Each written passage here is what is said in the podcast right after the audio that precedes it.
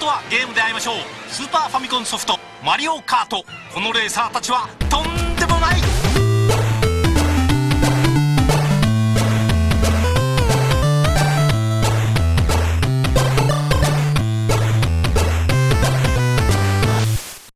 Welkom bij Buttonbashers aflevering nummer 90. Ik ga niet rekenen, Steve, met nog 10 of zo, want dat ging de vorige keer ook mis. Maar ik- zijn het er nog 10 hierna? Of is met deze erbij nog 10 tot aan de 100? Ik weet niet meer hoe het 11. zit. Nog 11. 90 is een 0, hè? Ja, 90, is een 0. niet een 1. Nee. Maar 100 is ook... Nou ja. Eh, welkom bij Buttonbashers 100 is een afle- 10. 100 is een 10, is ook een 0. Nee, je telt van 1 tot, eh, je telt van 1 tot 10. Dus 10. Ja. Ja, dat is zo. Want, maar deze is al wel begonnen. Dus deze telt voor mij al niet meer mee. dus Hierna dan zijn het 10. er nog 10. Hierna nog 10. Oh ja, dat is het. Wat een Nou, praatje podcast beginnen, hè? Dat is het zeker. Dat is het zeker. Maar goed, dat, eh, dat mag soms ook ja eventjes. prima. Ja, toch. Eh, ja, we zijn... Ze hebben, nou, ze hebben er succes mee, dus wij ook. Hoop ja, ik. precies. Nou ja, dat, eh, we gaan het merken aan deze aflevering. Ja, toch? Eh, ja, de- de- voor ons is het een tijdje geleden. Eh, voor de mensen die luisteren, die denken, nou, het valt eigenlijk wel mee. Want eh, de vorige, vorige aflevering was op dit moment iets van een maand geleden. op het moment van opnemen. Maar goed, we zijn er heel even tussenuit geweest. En dat komt door jou, Niels. Ja, het komt elke keer door mij, toch? Ja, nou, dat soort, dit soort lange intermezzo's, die komen vaak wel door jou. Want jij was weer naar Korea. Ja, ik was een maand naar Korea, of een maand, paar weken naar Korea en een week naar Japan Ja, voor werk. En de bedoeling was ook voor wat ruimte om eh, bij te komen van veel werk. Dat laatste is niet gelukt, helaas. nee, want je ging ook weer games shoppen. Dat was ook niet de bedoeling, geloof ik. Nee, dat was ook niet de bedoeling. Nee. Maar de hoofdzakelijke reden dat het niet lukte was gewoon de onvoorstelbaar hoge temperaturen. Oh, hoe warm was het daar? Hier in Nederland hadden we natuurlijk ook een, eh, een eh, recordtemperatuur voor een lange periode. Ja. Eh, maar dat was daar ook zo. Dus daar was het vaak 38 graden en de luchtvochtigheid is daar veel hoger. Dus je komt buiten, je bent al kletsnat. Oh, dat vind ik zo ranzig. Ja, dus mijn hele periode daar heeft eruit gezien als ik zoek op mijn telefoon waar ze lekkere koffie zouden kunnen hebben. Daar Ja. is geheid airco bij. En dan ga ik daar gewoon werken. Dat doe ik dan twee uur. En dan zoek ik een nieuwe koffiebar. En dan ga ik daar weer twee uur zitten werken. Oké. Jeetje. Ja, nou ja, goed. Eh, ja, het is wat het is. Ja, Ja, je doet daar niet zoveel aan natuurlijk. eh, nee, maar, ik heb natuurlijk ook wel wat game-gerelateerde dingen moeten doen. Want het was ook voor mijn werk. Ja, precies. En ehm, nou ja, in ieder geval één, één eh, detail wat ik leuk vind om te delen. Is, ik was in Tokio en er was toevallig een developer meeting. Een Oké. Developers meetup of zo. Ik weet niet meer precies hoe ze het noemden. Eh, ik kreeg het via iemand van de ambassade. Maar er zijn af en toe meetups van developers. En zijn dat dan eh, eh, indie developers of zijn dat ook gewoon echte grote jongens? Het is een mix. Oké. Want het was in Shinjuku, daar zat mijn hotel ook. En daar heb ik nooit eerder gezeten. Eh, ik dacht dat ik het wel kende, omdat ik er ooit een keer met de trein heen ben geweest. En toen ben ik een park ingelopen en toen kwam ik er weer uit en toen dacht ik, dit was Shinjuku. Ja. Maar het is eigenlijk een heel groot district waar heel veel te doen is. Ik dacht eerst je gaat zeggen van ik ken dit wel, want het zat in Shin Megami Tensei, maar dat is het niet. Ik verwachtte ook zoiets. Daar Ja. zit het ook in, inderdaad, ja. Maar eh, nee, het hotel zat bijna direct naast het Square Enix pand. Oh, En ehm, ja, die developer meetup was ook heel erg in de buurt. Er zitten heel veel developers in die regio. Ik kreeg alleen wa- wat Japanse karakters als adres. Dus ik wist niet zo goed wat ik ermee moest doen. Google die hebben- Translate. nee, ik heb ze gewoon in Google Maps gestopt. En dan komt Google Maps wel uit. Dus je krijgt wel een coördinaat. Maar dat is echt meer een punt. Want het is ongeveer hier. En er staat dan niet bij wat het is. Oké. Dus toen ik daarheen ben gaan lopen, toen zag ik, hey, dit is een Capcom bar. Is logisch, weet je wel, game meetup, Ja. Capcom bar. Maar dat was schijnbaar toeval, dus ik liep die Capcom bar binnen en dan moest je eigenlijk gereserveerd hebben. Ik zei nee, niks reserveren. Ik, ik sta op de gastenlijst. Ja, En toen zeiden zij- raar. there is no guest list tonight. Het is trouwens gerebrand naar Monster Hunter World Café. Oh, Maar het bleek dus dat de meetup in een bar was boven de Capcom bar. Ah, Dus je kon met een trap omhoog en dan kwam je in een andere bar. En eh, het was een meetup van voornamelijk Square Enix developers. En eh, wat kleinere developers. En ehm, developers waar ik ook nog nooit van had gehoord. Die meer ehm, zeg maar op de Vita vrij obscure games maakten.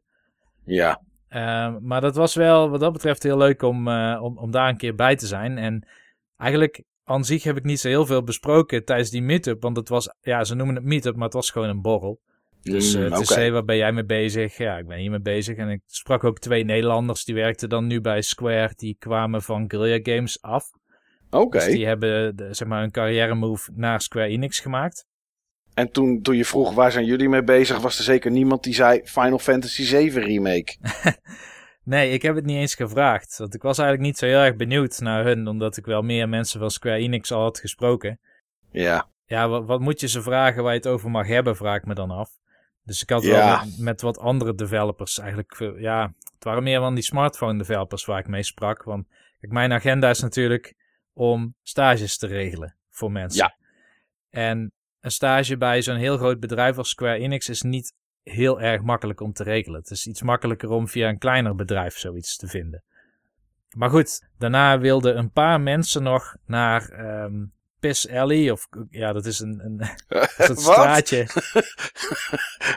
Is dat wel alle dronken Japanners s'avonds hun sake eruit komen Ja. pissen? Ja, zoiets. Oké, gezellig. Het, eh, het ligt bij eh, Golden Guy. Dat is een heel oud district binnen Shinjuku nog. En daar, dat Ja. zijn zes dunne straatjes. Hele smalle steegjes. Het, verbalt mij, het verbaast mij niks dat iets dat Piss Alley heet in de buurt ligt met iets dat Golden heet, zeg maar. Ik, eh, ik begin hem te begrijpen. Het klopt allemaal hè, in je hoofd. Eh, ja, precies. Ja, Maar dit is een van de twee hele, ja, hele, een van de twee tamelijk onveilige stukken in eh Tokio, zeg maar. Dus dan word je als toerist ook altijd afgeraden om daar te zijn. Hmm. Maar ehm, ja, nu ben je dan met, met Japanners die de weg weten en die precies weten bij welke bar ze moeten zijn en zo. Dus daar kun je dan gewoon mee meelopen. Maar het is best een ervaring om ehm, in het donker eh, door dat soort straatjes heen te lopen waar je barretjes hebt. Die barretjes die zijn super klein. Die zijn misschien 6 bij 3 meter of zo. oké. En dan eh anderhalf meter hoog. Als het Oh. dat al hoog is. Dus het is super klein. Ja, En eh, daar zit je dan met vijf mensen in, in zo'n barretje. Dat is ook alles wat er past. En iedereen is aan het kettingroken, behalve jij. En die rook die wordt onmiddellijk zo een eh, airconditioning ingezogen. Ik voelde me alsof ik in zo'n soort, ja, zo'n soort cyberpunk of eh Blade Runner universum was beland. Want het was allemaal heel erg alsof het uit een film kwam. Ook- Surrealistisch. ja. ja, surrealistisch. Ja, er stond ook een, denk een vrouw van in de 40 of zo achter de bar. En die had dan van dat, van dat paarse haar en tatoeages. Het zag er heel onwerkelijk uit allemaal. Het past allemaal wel in dat cyberpunk plaatje. Ja, Ja, inderdaad, ja. Eventjes wat neon kleurtjes aan de muur en, eh, en je bent er. ja. En is dat dan een plek waar je wel kan praten? Of hebben ze in die, eh, in die 18 vierkante meter, die niet hoger is dan 1,50 meter, ook 600 boksen gepropt waar eh, J-pop uit, eh, uitschalkt? Nee, er staat niet hard muziek op. Dus het is wel bedoeld om te kunnen praten, voor zover dat dan lukt met de mensen die er zitten. Ja, Er zat ook één, wat dan waarschijnlijk een stamgast of, of zo is. Die zat naast mij en die probeerde het gesprek wel te volgen wat ik met anderen had. ja. Maar eh, ja, het enige wat er uiteindelijk uitkwam toen ik wegging is... eh hehe, goodbye. Oké. Het klinkt als een slecht geschreven NPC in een, eh, in een adventure game. ja, zoiets. Ja. Of een dronken piraat uit Monkey Island. Oké. Ja.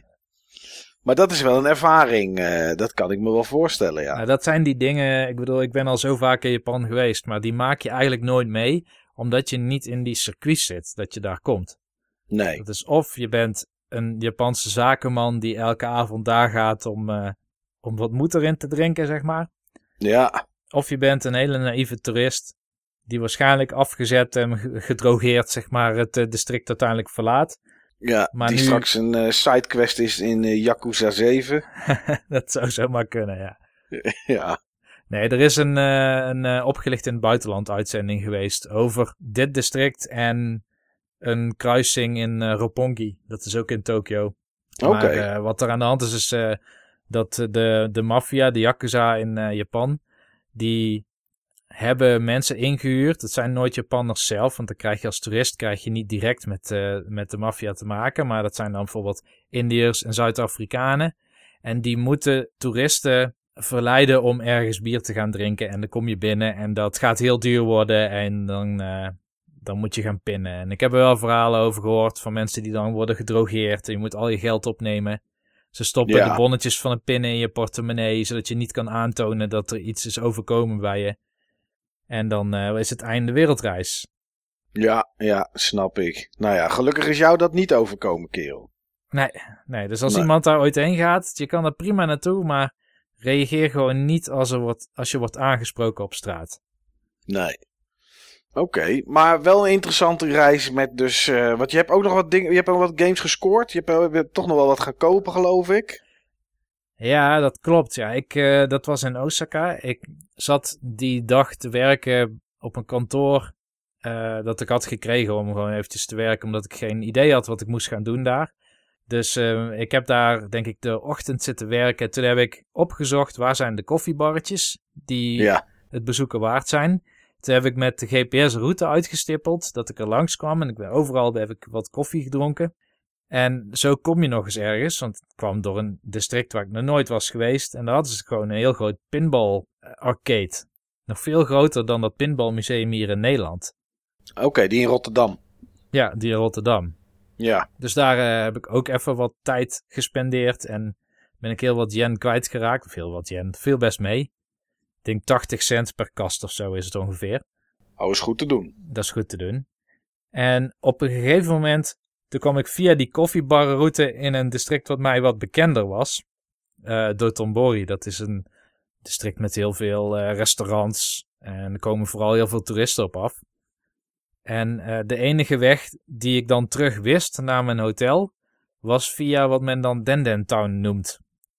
Oké. En, en dat is eigenlijk een straat met redelijk wat winkeltjes met retro games en eh, films.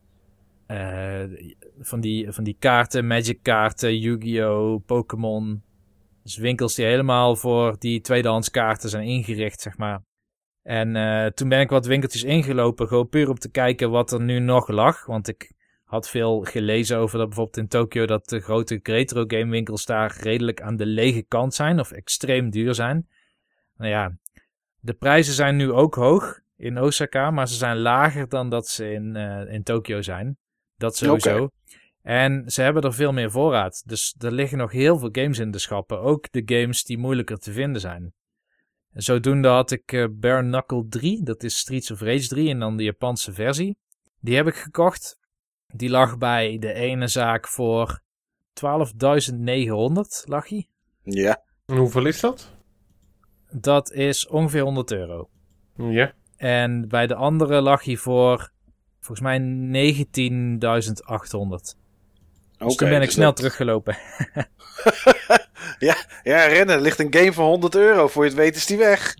ja, dit klinkt gek, maar Streets of Rage 3 is in, in Nederland echt heel erg duur tegenwoordig. Ja. Zelfs card only. En Bare Knuckle is eigenlijk een betere versie. Oké. Maar wel, eh, zitten wel wat Engelse teksten in. Of is het eh, puur Japans? Eh, De teksten zijn gewoon in het Engels. Ja, de, de cutscenes niet, maar de in-game Nee. teksten. Het zijn allemaal karakters die wij gewoon kunnen lezen. Oké, oké. Dus het is goed speelbaar. En de andere game was Gunstar Heroes.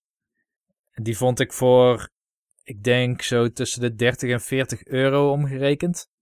En dat is niet heel veel goedkoper dan dat je het hier kan vinden.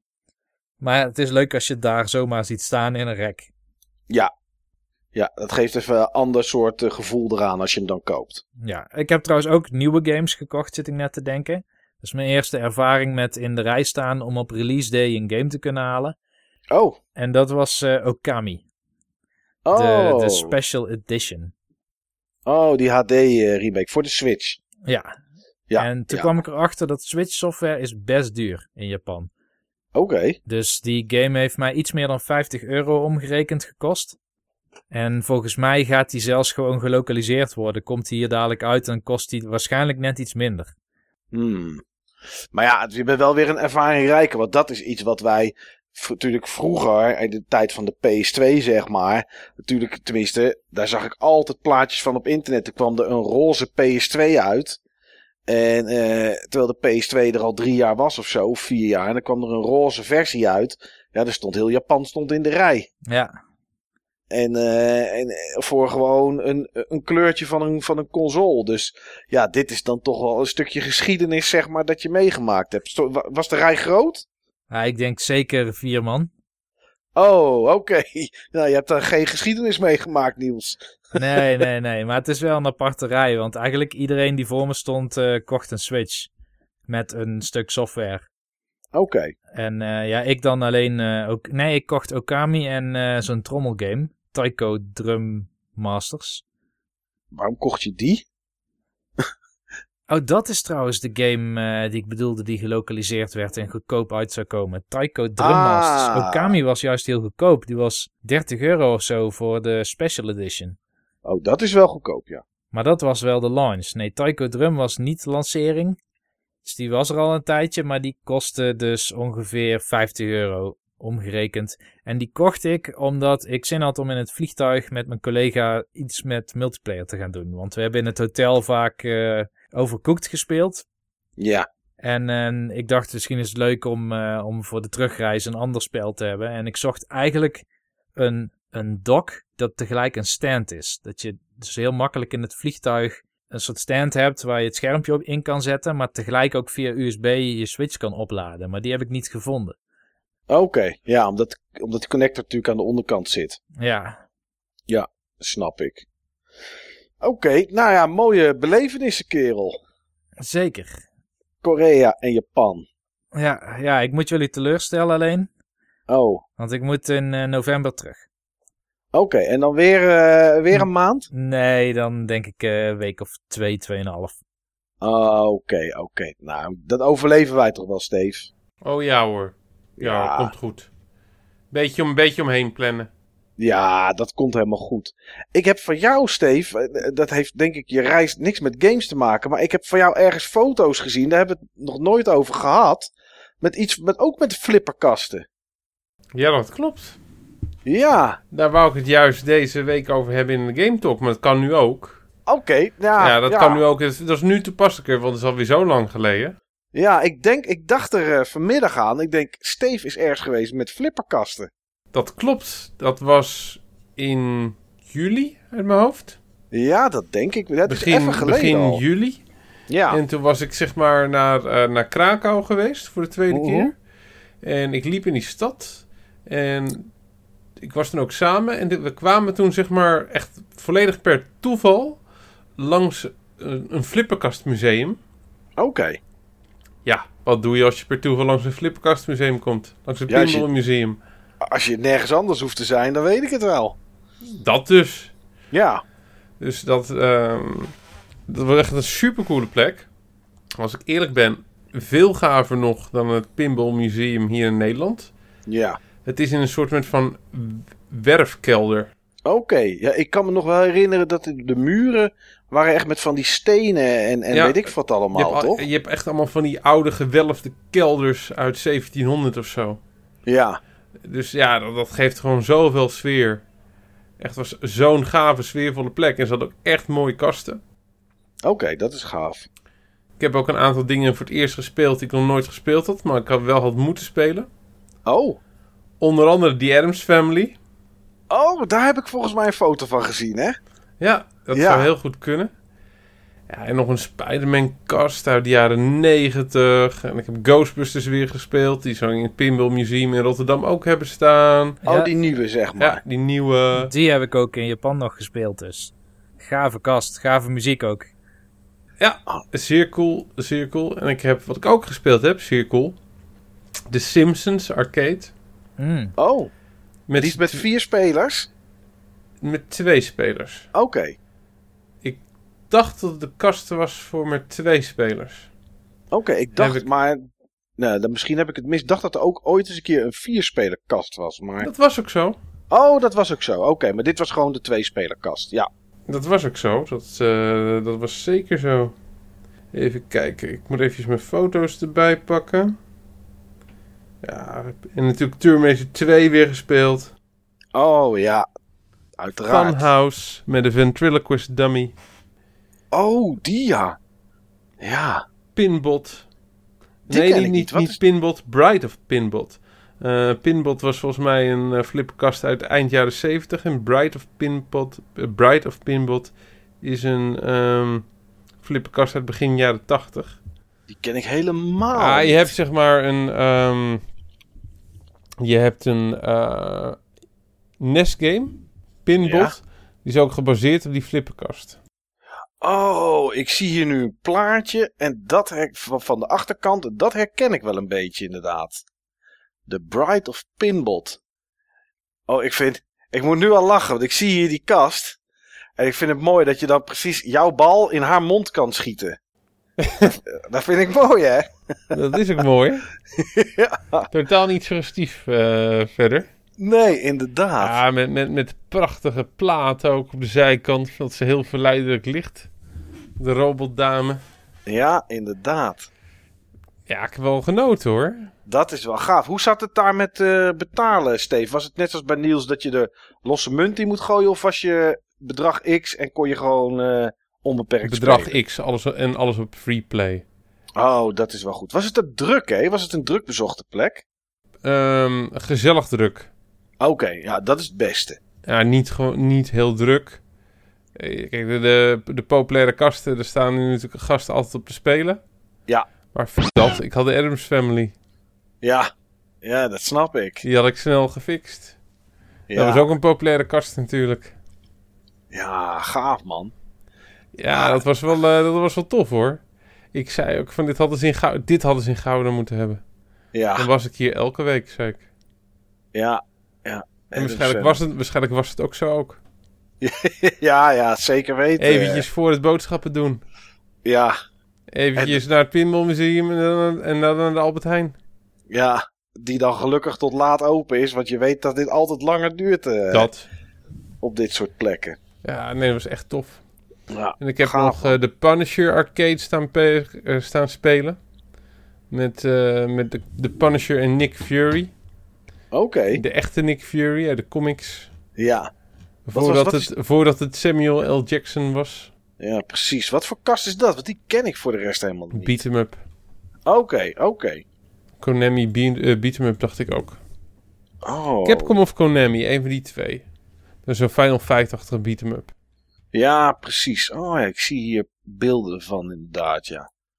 Oh, dat is wel gaaf. Eh, Capcom was het inderdaad, ja. Had je, dat zie ik hier staan. Tof man. Ja, dat was even genieten hoor. En het is met name gewoon leuk als je er gewoon zo tegenaan loopt. Ja, dat is gaaf. Want dan is het eh, dat onverwachte en dan in één keer dit ontdekken, zeg maar. Dat is natuurlijk, eh, ja, dat is, dat is tof. Ja, en om de cirkel helemaal rond te maken. Oh, Ik zei net van ik was, ehm, ik was samen. Ja. Ehm, ik was daar namelijk met een, ehm, met een dame die ik, on- eh, die ik ontmoet had in een koffiebar. Oké. Dat was een Poolse eh, dame. in, in Krakau. Ja. En het was een Zuid-Koreaanse dame. Oh, kijk nou zeg. Oké. dus En- dan is de cirkel eigenlijk weer helemaal rond met Niels' verhaal. Ja. Nou, inderdaad. Oh, ja, daar ging ik, dat ja, is wel ik leuk. blij om geweest eh, zijn. Ja, eh, ze, het leek te leuk om, eh, om de stad eh, te verkennen samen als ik ook niks te doen had. Oh, dat is goed. Ja, En drie kwartier later sta je, sta je anderhalf uur. deze wel leuk mee? Of ja, hoor, die deed leuk mee. Oh, oké. En ben je daarna nog wel verder de stad gaan Ja, ja, ik was en daarvoor ook hoor. Ik had echt een beetje een hele dag opgetrokken. Het was niet alsof we dan zeg maar drie kwartier later opeens daar waren. Nee, ik had, er, ik had hem nog meegenomen naar een skybar daar. Ik vond het een hele gave plek. Ja. Dus ehm, zij, ehm, zij was schrijfster. Schrijfster, oké. Ja, en wat, en en wat, ik- ze zei, wat- eh, ze zei eh, I'm, I'm a writer. En ik eh, vroeg, what do you write? Romantic novels. En ik zei, Oké. you're not a writer. Writers are dull. You're a novelist. You're a novelist. That's way more special. Dat klinkt inderdaad bijzonder. Ja. Dus, en eh, ja, ik vermoed dat in een van haar romantische boeken... ehm, dat, dat dat zal gaan over, zeg maar, een ontmoeting tussen, tussen een, ehm, een jonge dame en, die- en een zeer aantrekkelijk gespierde man. Ja, Die, zeg maar, eh, ja, dan, dan samen door een stad banjeren en vervolgens in een pinballmuseum terechtkomen. dat zou toch mooi zijn? Dat zou toch mooi zijn? Ja, ja, ja. Waarna, waarna ze vervolgens nooit meer wat van hem hoort.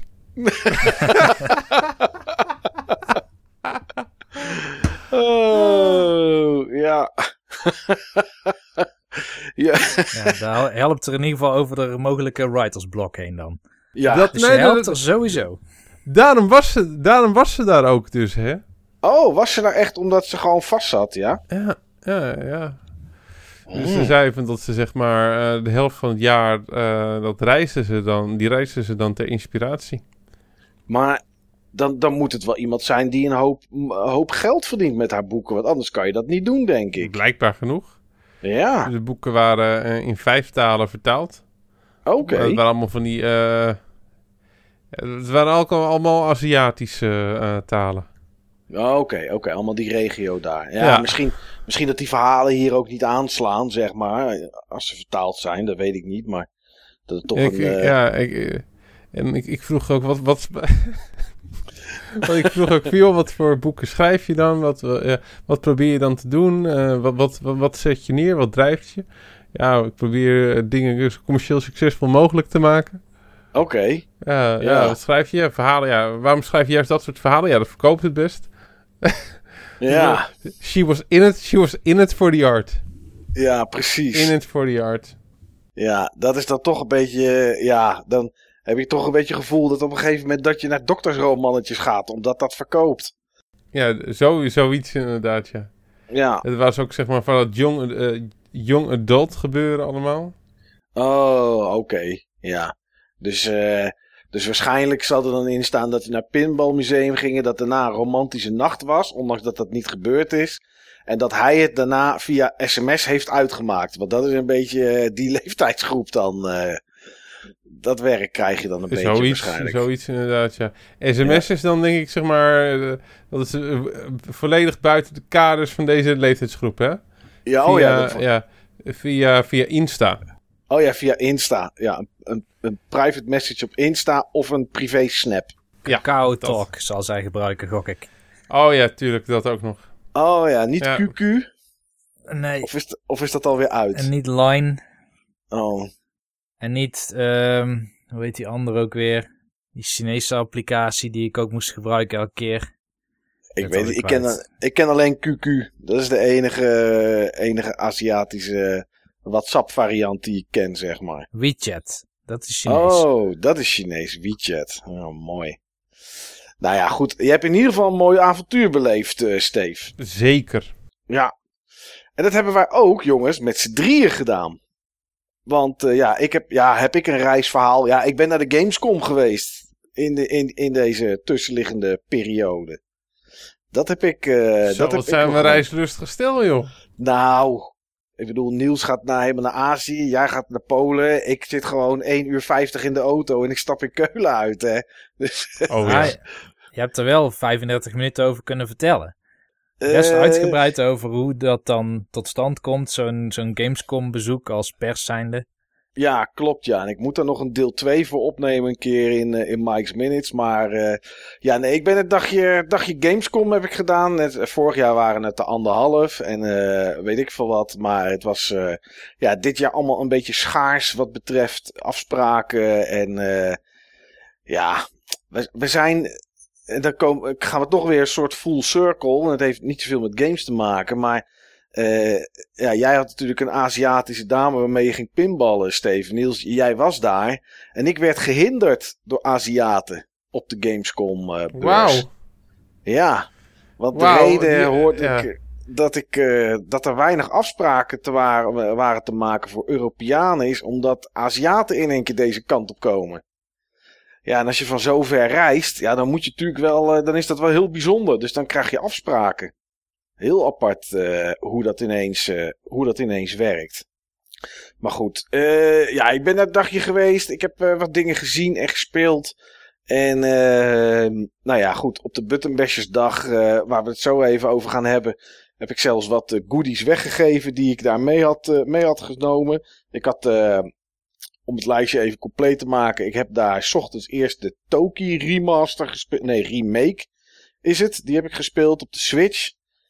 Ehm daarna heb ik eh, Lego Super DC. Nee, eh, Lego DC Super Villains. Dat heb ik gespeeld. Ehm, ik heb Rage 2 heb ik die dag gespeeld. Eh Jericho Shadows Die Twice heb ik toch ineens kunnen spelen. Eh, Division 2. Metro Exodus heb ik nog gespeeld. Eh, Total War heb ik gespeeld. Dat had ik nog nooit gespeeld. Eh, nou, ik denk jij, Steve, hebt het nog nooit gespeeld. Want het is echt puur een PC-game. Heb jij het wel eens gespeeld, Niels? Ja, ik wel. Wat, wat vind je daarvan? Eh, nou, ik ging er met de verkeerde verwachting in. Want je stelt gewoon een soort leger samen en dan krijg je de veldslagen zelf. Het, is echt, het Ja. gaat over de veldslag. En niet Ja, over klopt. het bouwen van je leger. Nee. En niet over de resource management en de, de base building en zo. Nee, nee, dat is er allemaal niet. Nee. Dus, nee, je, eh, hebt, eh, je, je hebt inderdaad, je hebt legers en je hebt dan een, een twee of drie heroes, zeg maar. Dat zijn vaak dan eh, keizers of keizerinnen of prinsessen of wat dan ook van een een of ander huis. Wat dan in die regio, in die regio heerst. Ja, en dan moet je met, ja, dan moet je aanvallen. En dan moet je dat een beetje tactisch uitspelen. Echt, ik, eh, ja, het was een half uurtje dat ik daar zat. Ik was echt blij dat het afgelopen was. en ik, ik, ik heb maar gewoon een beetje geklikt. Er werd ook gevraagd of ik gameplay wilde capturen. Nou, dat eh, heb ik niet gedaan. Ik denk, ja, dit, dit kan ik echt nooit aan iemand laten zien ook. Want hier, eh, hier wordt helemaal niemand vrolijk van. Dus dat heb ik ook nog gespeeld. Nou, een collega en- van mij die speelt ze er heel erg vaak. En die Ja. wordt ook altijd gevraagd om te beta testen. Oké. Er zit Ja. wel echt een hele grote hardcore fanbase. Die ja, die zaten ook naast me, zag ik eh, Oh. toen het begon. die zag ik knoppen indrukken en eh, muis. En ja, weet je, oh, het, het is real time, maar je kan ook de game op pauze zetten. En dan kan je je legers een kant op sturen. En tactisch en door de bossen en door het water en een hoekje om en weet ik wat allemaal. Nou, oké, dit is dat is echt helemaal niets voor mij. Dat is helemaal niets voor mij. Maar goed, eh, ja, best een aantal, aantal interessante en, eh, en boeiende dingen gespeeld eh, die dag. Ja, Gamescom dagen zijn drukke dagen. Dat is heen en weer rennen en vliegen. Dat zijn dagen waarop mijn telefoon vertelt dat ik 16, 17, 18.000 stappen heb gezet. Eh, terwijl ik een hoop zit, ook die dag. Want ja, al die afspraken, is het, die gamespace natuurlijk allemaal zittend. Maar eh, ja, één ding heb ik gezien en dat vond ik wel interessant. En ehm, dat was bij Wargaming. En Wargaming, daar maak ik elk jaar wel een afspraak. Omdat ik de PR-dame van Nederland, omdat ik die heel wat jaar ken. En dat is altijd gezellig. En ehm, nou ja, dat is al- altijd leuk. En, en daar, als ik daar geen afspraak maak, dan wordt ze ook half boos. Van waarom heb je geen afspraak en waarom kom je niet even? En eh, mijn afspraak liep daar een beetje mis. En toen, ehm, nou ja, toen uiteindelijk, uiteindelijk was ik binnen. En toen liet, hadden ze een nieuwe technologie.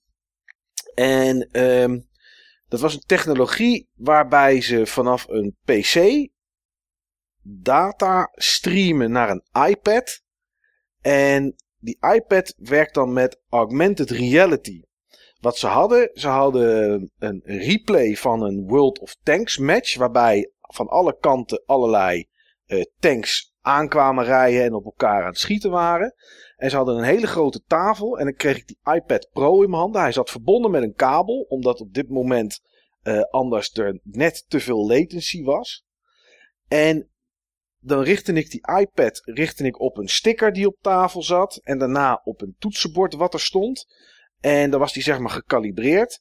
En dan werd er vanaf die PC werd die replay gestreamd naar die iPad. En die projecteerde dat op de tafel. Wat dus ook inhoudt, en dat kan dus ook, dat je met die iPad naar links kan draaien, naar rechts kan draaien. En dan krijg je dat daar te zien wat daar aan de hand is. En er was een gedeelte dat speelde zich af in Parijs. Je kon die iPad helemaal omhoog doen naar het plafond toe. En dan zag je de Eiffeltoren, die stond dan in het midden. Maar je kon ook inzoomen. Je kon met die iPad helemaal richting de tafel, zodat je bijna de zandkorreltjes zag liggen op de grond. En je kon uitzoomen en nou, je kon alles doen wat je normaal ook zou doen als je gewoon rondkijkt, zeg maar. En dat was wel een hele gave techniek. Hmm. Ja, ja, ik weet niet wat ze ermee gaan doen. Het was nu puur de technologie en eh, Dat was echt hadden- een demo. ja, het was echt een demo. Ja, ze hadden het niet zelf eh, helemaal ontwikkeld, maar wel samengewerkt. Ja, en zij leverden dan natuurlijk de, de beelden aan van die replays. En er was echt de hele tafel. Er was niet het tafeltje, nou, wat in dat café van jou zou staan, eh, Niels, van 6 eh, 6 bij 3. Ja. Maar echt, eh, echt een tafel waar, nou, ik denk wel, eh, weet ik veel, misschien 10, 10, 12 man aan kan zitten. En over die hele tafel kon je met die iPad kon je kijken en inzoomen, geluid en weet ik wat allemaal. Dat was echt heel erg tof. Ja, ik heb geen idee waarvoor ze het ooit gaan gebruiken en of het ooit gebruikt gaat worden. Het draaide ook op een iPad Pro en dat had niet te maken met het feit dat het een Pro moest zijn vanwege eh, de, de, hoe zwaar het was. Maar iets met de kabels die er dan aan konden of zo. Of de verbinding. Dat kon niet aan een normale iPad, maar kon alleen aan een iPad Pro, geloof ik.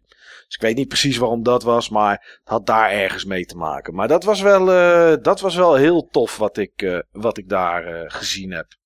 Dus dat is wel, dat is wel nice. Ja, en voor de rest is het eh, rennen van de ene kant naar de andere kant, afspraken en eh, ja, een hoop gedoe. En, en vaak ook wat, ehm, ja, wat teleurstelling die je dan te verwerken krijgt. Want sommige dingen lijken op papier leuker dan dat het echt in het echt is. Zoals die Toki remake. Ja, daar was ik, eh, dat was het eerste wat ik speelde die dag. Daar was ik wel snel klaar mee, moet ik zeggen. Maar ja, Wat was daar het probleem mee? nou, het probleem is dat ehm, wat wij herkennen en wat heel veel mensen hebben met een, eh, met een game van vroeger, is dat het nostalgische is leuk, maar daarna zie je eigenlijk wat het echt is. Ja, dan stelt het eigenlijk niet zoveel meer voor. Kijk, Toki, als je begint denk je, oh ja, leuk, het is het aapje en dan schiet je en dan zie je één balletje eruit gaan. En denk je, oh ja, hier komen dingen overvliegen en die schiet je kapot. En dan komen die balletjes die om elkaar heen draaien, zeg maar, die zo twisten om elkaar die eruit komen. denk je, oh ja, oh ja, dat was tof inderdaad. Oh ja, ja, ja, ja, Toki kon ook een, eh, een, een, helm op hebben van een American voetbalplayer. Oh ja, oh ja, deze eindbaas die weet ik ook nog. Ja, dat was, eh, die was, oh ja, moest ik dit doen, moest ik dat doen, dan was die kapot. Ja. Ja, en dan na twee minuten heb je dat gehad. En dan zie je wat het echt is. En dan is Toki eigenlijk een, een ja, een, duizend in een dozijn game eigenlijk. Het is, het is een platformer die voor de rest niks bijzonders doet. Hij is ook precies nagemaakt als, wat hij, als dat wat hij was. Dus er zitten zes levels zitten erin. Nou, die eerste had ik uitgespeeld na tien minuten of zo. Het, het is wel pittig, want het is. ehm, er komen een hoop kogels op je af. Eh, en je moet een beetje weten waar de enemies zitten en dat soort zaken. Maar dit is nou niet. Ze zijn er al zo lang mee bezig. Ze zijn geloof ik al zes of zeven jaar bezig met die game. En ik weet niet waarom het stil heeft gelegen. Ik heb het wel gevraagd, maar daar kreeg ik dan een beetje zweterig antwoord op. eh, van de jongen die naast me zat. Eh, het was ook zijn eerste Gamescom. Dus ja, ik wilde het hem ook niet te moeilijk maken. En, ehm, maar ja, voor ons is het even leuk, denk ik. En dat is het. Ik bedoel, nieuw publiek gaat dit, die speelt dit en die denkt na twee minuten, wat een saaie game zegt. Er zijn betere platformers te verkrijgen op de Switch. Want dat komt alleen naar de Switch. Eh, geen andere platforms. En eh, ja, grafisch ziet het er wel nice uit. Alles is met de hand getekend door de originele tekenaar. Dus dat is dan wel leuk. Maar dit is toch iets dat beter nostalgisch had kunnen blijven, denk ik. Maar ja, goed. Eh, misschien heb ik het mis. Het komt volgens mij oeh, uit mijn hoofd 22 november, denk ik dat het is. Zoiets komt het uit. Ja, misschien is het leuk. Misschien is het leuk, maar eh, ik ga het in ieder geval niet kopen. Ik was niet onder de indruk. Ik vond het leuk om eventjes gespeeld te hebben. Het bracht mij terug naar mijn eh, 14 of 15-jarige ik. Die eh, elke keer 100 peseta's in een, eh, in een speelkast gooide in, eh in Malgrat de Mar. Maar dat was het dan ook wel. Dus ja, Toki, nee, niet, niet echt zeg maar. Ja, is Dus, jammer. Ik weet dat je zo naar uitkeek. Je belde nog, maar ik eh, ga de nieuwe Toki spelen, de remake. ja. Nee, ja, het is niet. Nee, het, dat, dat, nee, het is het dan niet, zeg maar. Nee. Nee. Dus eh, het, het tofste van die dag, nou, dat kunnen jullie natuurlijk wel raden. Dat was Sekiro. Nee, Oh, dat, dat was Dying Light 2. Je had al gezegd op de BB-dag dat hij echt heel tof werd. Ja, ja, ik, ehm, ik, ik kon het zelf niet spelen. Het werd wel gespeeld door, ehm, zoals de ontwikkelaar Techland hem zelf noemde, de beste Dying Light 2 speler ter wereld. Nou, dat was niet zo heel erg moeilijk van een team van 100 man. Ehm, maar dat, ja, ik heb iets van 45 minuten van die game gezien. Ja, dat is wel gaaf hoor, hey. Dat is echt heel gaaf. Waar ik het meest naar uitkijk is eh, mensen die de demo hebben gezien tijdens de E3 hebben er iets van meegekregen. Maar ehm, je, je hebt keuzes. En die keuzes die eh, eh, zijn links, rechts, midden, boven, zeg maar. Dat het zijn harde keuzes die je maakt. En dat gaat vaak om groeperingen die iets willen met een bepaald punt in een stad. En ehm, wat ze als voorbeeld gaven was een zwembad. Dat zwembad dat heb je op een gegeven moment veroverd of wat dan ook. Ze zeiden niet hoe dat ging. En je bent daar en dan heb je de keuze om, ehm, ja, om het of aan groep A, groep B, C of D te geven. En groep A, B en C, laat ik het even bij drie houden. Groep A, B en C, die weten wat ze daarmee willen. En het is aan jou om te bepalen wat jij vindt dat ze ermee moeten of mogen doen. Ehm, groep A zegt bijvoorbeeld: ehm, wij willen er een, eh, een, een training ground van maken, dus een, soort eh, opleidingscentrum, zodat eh, er meer mensen zijn die goed kunnen, kunnen schieten en goed kunnen vechten, zodat ze zich kunnen verweren tegen de wezens die s'nachts en ook een beetje overdag de straten zeg maar beheersen. Nou, als je denkt van ja, dat is een goed initiatief, dat doe ik en dat steun ik. Deze groepering krijgt van mij het zwembad dan, ehm, en het werkt niet zoals in een RTS of zo. Je bent first person, dus je hebt er echt voor geknokt. En nou ja, goed, je hebt dan de keuze aan wie je het wil geven. Of hoe dat dan met het geval van het zwembad gaat. Als jij het aan die groepering geeft, dan kan je er zelf ook trainen. En dan word je beter en word je sterker. Dus dat is goed. Maar jij bent niet de enige die dat kan trainen. Dus groeperingen en slechterikken op straat die jou bijvoorbeeld willen beroven of je om het leven willen brengen, die kunnen ook trainen, dus die worden ook sterker. Nou, een andere groepering zegt wij willen hier gewassen verbouwen. En eh, met die gewassen kan jij bijvoorbeeld potions krijgen, zodat je sterker wordt en dat soort zaken. Ja, dat is op zich natuurlijk wel iets heel moois, maar daar geldt hetzelfde voor. Die potions en die dingen en, en, en die medicijnen die gemaakt kunnen worden, zijn ook van toepassing op het tuig dat er rondloopt. En de derde mogelijkheid was om het aan een andere groepering te geven. En die wilde er benzine gaan fabriceren. Die wilde, ja, benzine doe je niet stoken, maar brandstof stoken. Of benzine was, weet ik niet, maar iets met brandstof. Nou, wat het voordeel daaraan was, was dat er een heel nieuw gebied bij kwam. Waar je naartoe kon. Uh, er was bij die stad een brug. En die brug die was vernietigd. En uh, nou ja, door voertuigen te hebben kon je dan wel naar de overkant of wat dan ook. Dus dat, dat zou op zich een heel, een heel mooi iets zijn. Want dan kan je naar een gebied toe waar je anders niet naartoe kan. Maar ja, zeiden de ontwikkelaars, die brug, of dat gebied waar je eigenlijk niet naartoe kon omdat het afgesloten was, is waarschijnlijk niet voor niets afgesloten. En dat zijn natuurlijk wel hele toffe keuzes. En zo zitten er heel veel in, zo zitten er veel meer in. En uh, wat daar dan ook nog eens gaaf aan is, en daar heb ik eigenlijk wel zin in, is dat die game co-op is. En co-op werkt op de manier dat uh, als ik het aan het spelen ben en jij komt bij mij erin, Steve, dan ja. uh, hou jij je spullen en eventuele experience en loot die je verzamelt, die hou je. En daarna ga je terug naar jouw wereld. Maar mijn wereld kan er dus helemaal, nou ja, helemaal anders niet. Ik bedoel, de steden blijven wel de steden. Maar hoe de sfeer daar is, wat voor groeperingen er aan de macht zijn, welke kanten je op kan, kan dus anders zijn dan die van jou. Dus het is heel tof om ook een keer bij een ander in zijn game te gaan kijken. Om te zien hoe zijn wereld eruit ziet.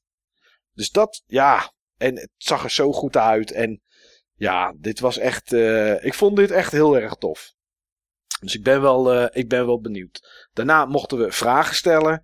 Ja, uh, een vraag die ik natuurlijk stelde is: van, ja, je, iedereen begint op hetzelfde punt. Maar eindigt iedereen dan ook op hetzelfde punt? Omdat, ja, eh, eh, als je zoveel keuzes kan maken. Nou, het doel, en wat dat doel is, dat, hebben ze, dat vertellen ze nog niet. Het doel van iedereen is wel hetzelfde. Ehm, hoe je er komt is dan aan jou met je keuzes. Maar iedereen schijnt wel ongeveer bij hetzelfde uit te komen. Ja, goed. Dat zou, dat zou hetzelfde kunnen zijn als bij eh, State of Decay 2. Ja, daar kan je ook kiezen aan wat voor groepering je, je, je, wil, eh, je, wil, je wil koppelen. En ja, bij de ene moet je iedereen omleggen. En bij de andere moet je iedereen redden. En uiteindelijk ben je dan de held van die groepering. En, en ben jij de, de heerser over het gebied. Dus misschien is het zoiets, dat weet ik niet. Maar het was wel. eh, ja, dit was wel. eh, dit was echt heel erg tof. Ja, ja, daar kijk ik wel naar uit volgend jaar. Tenminste, als het volgend jaar komt. Het is wel de bedoeling. Dus eh, ja, dat was. ja, en braadworst natuurlijk. Braadworst. Dat eh, hoort erbij als je in, eh, in Duitsland bent.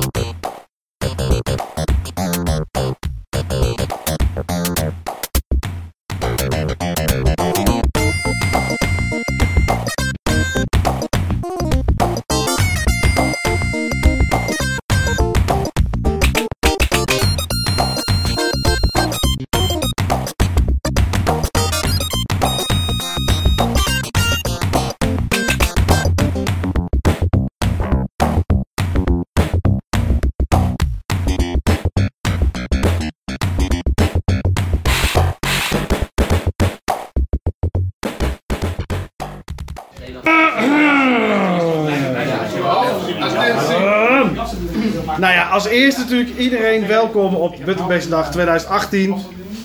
Applaus staat er in de script. Kijk, oh fuck, ik heb nog nooit zo'n groot applaus gehad. Dat is wel echt, Nee, superleuk dat jullie er allemaal zijn. Eh, we doen het, eh, dit jaar is vijfde jaar. Ja, vijfde jaar hè? oh, vijf jaar weer. Applaus. Nee, eh, we doen elk jaar competitie, ook dit jaar. Bijna niemand weet wat het is. En wij wisten gisteravond om 10 uur ook nog niet precies wat het zou worden. Maar we gaan dit heel professioneel aanpakken en dan lijkt het net alsof we dit al maandenlang hebben voorbereid. Eh, we gaan een Wii-game spelen. En de Wii-game is... eh, oh ja, applaus. Ja, dat snap ik. vanuit Maarten's perspectief snap ik dat. We gaan nieuw Super Mario Bros. Wii spelen. En we spelen de Coin Battle. En de Coin Battle, dat is eh, een eh, autoscrolling ding. Dus dan kunnen we een beetje rekening houden met tijd. Ehm, we gaan straks per vier mensen per Wii. Dus we hebben genoeg Wiimotes en we hebben zeker genoeg batterijen. En daar hebben we extra meegenomen. Ja, en dan gaan we spelen. Wat we, het worden zeven rondes die we doen. Steve en Niels die doen ook mee.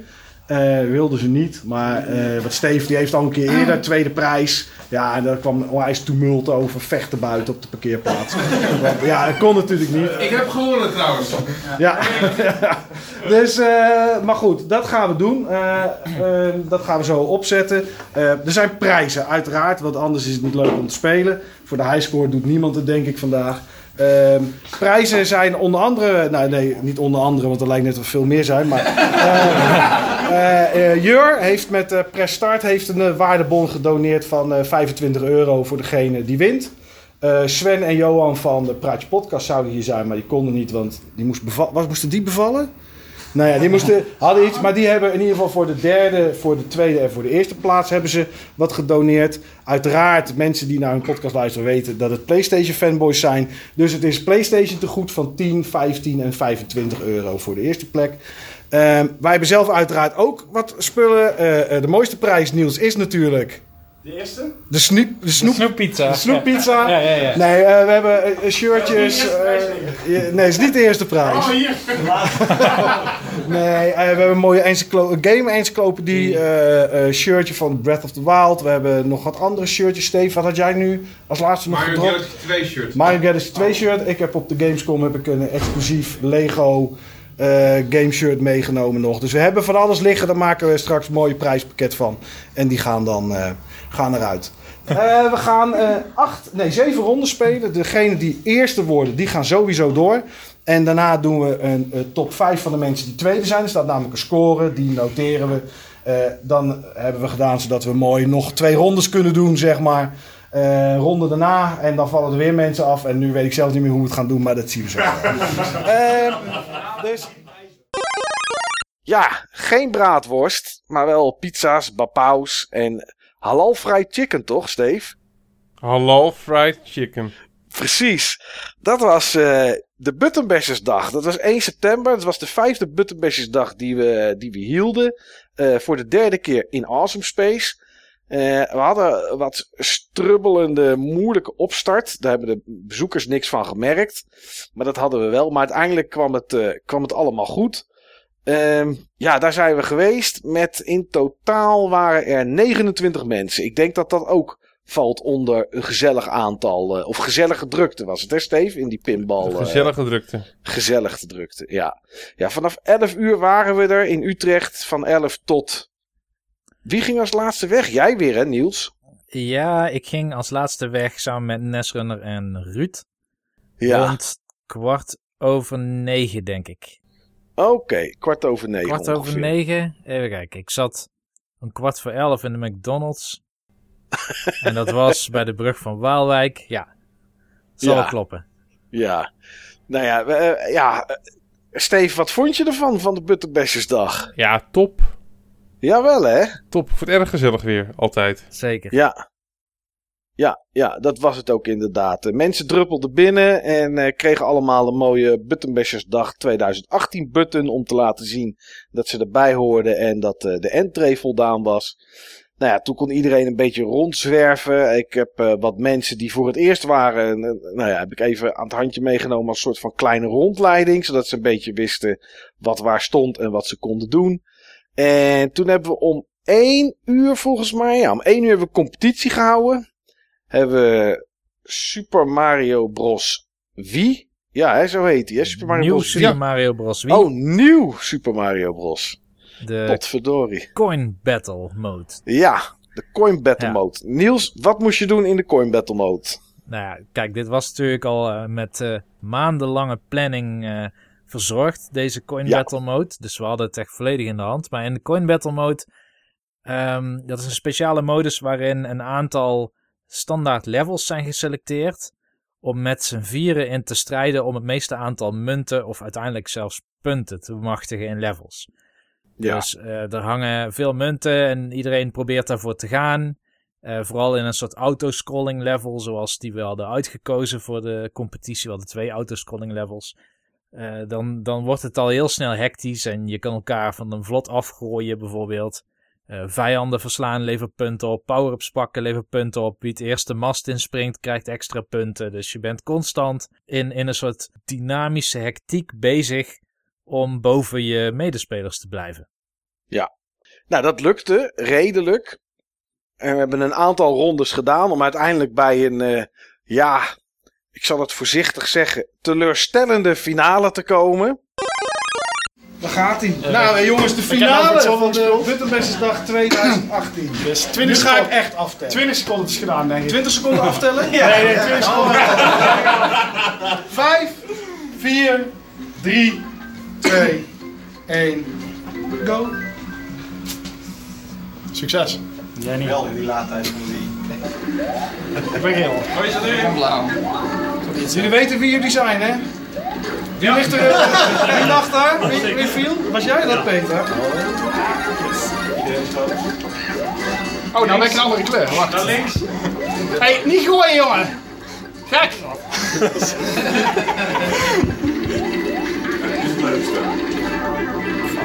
Oh, nee, nee, nee, nee, nee, nee, nee, nee. Maar één iemand. Oké. Wat is dit? Nee! Dit Ja! Maar er is wel een... Ja, we hebben... Derde! Net drie! Ben jij, ben jij daar? Nee, ik ben uh, Litsie. Jij bent Volksbos. De finale duurde geloof ik eh, 15 of, eh, of 20 seconden. Maar goed, eh, Had veel langer kunnen duren. Hè? Het was puur teleurstellend, omdat één persoon dacht dat hij won. En, Ja. niet, en niet won. nee, precies. Want als die had blijven staan, dan had de rest terug kunnen komen. Want op het moment dat iedereen dood was tegelijkertijd, dan stopte het level. Ja. En anders had iedereen vijf levens. Dus ja, hij had eh, langer kunnen duren. Maar goed, dat werd het uiteindelijk niet. En, eh, En wie was ook weer de persoon die dat deed? Ik kan even niet op zijn naam komen. ik weet ook niet precies hoe ik Joey moet uitspreken. Maar eh, als ik dat wel wist, dan kon ik jullie vertellen door wie dat kwam. Maar goed, eh, ja, uiteindelijk eh, was, er een, was er een winnaar. En, en waren er drie verliezers die, nou ja, als je bij ons meedoet in een competitie, ben je natuurlijk nooit een verliezer. Dus eh, als vierde was, eh, werd Gallius. Ja, eh, wat, eh, die kreeg een, een snoeppizza En eh, even kijken. en een t-shirt van Dying Light 2. Dat was het. Ja, die ik op de Gamescom had. eh, Wat had een hoofdprijs eigenlijk. Ja, die snoeppizza. Zeker wel. Ja, ja. En Hij als weet derde nog niet was... hoe lang die in de oven moet trouwens. Dus nee, dat wist hij, dat wist hij niet.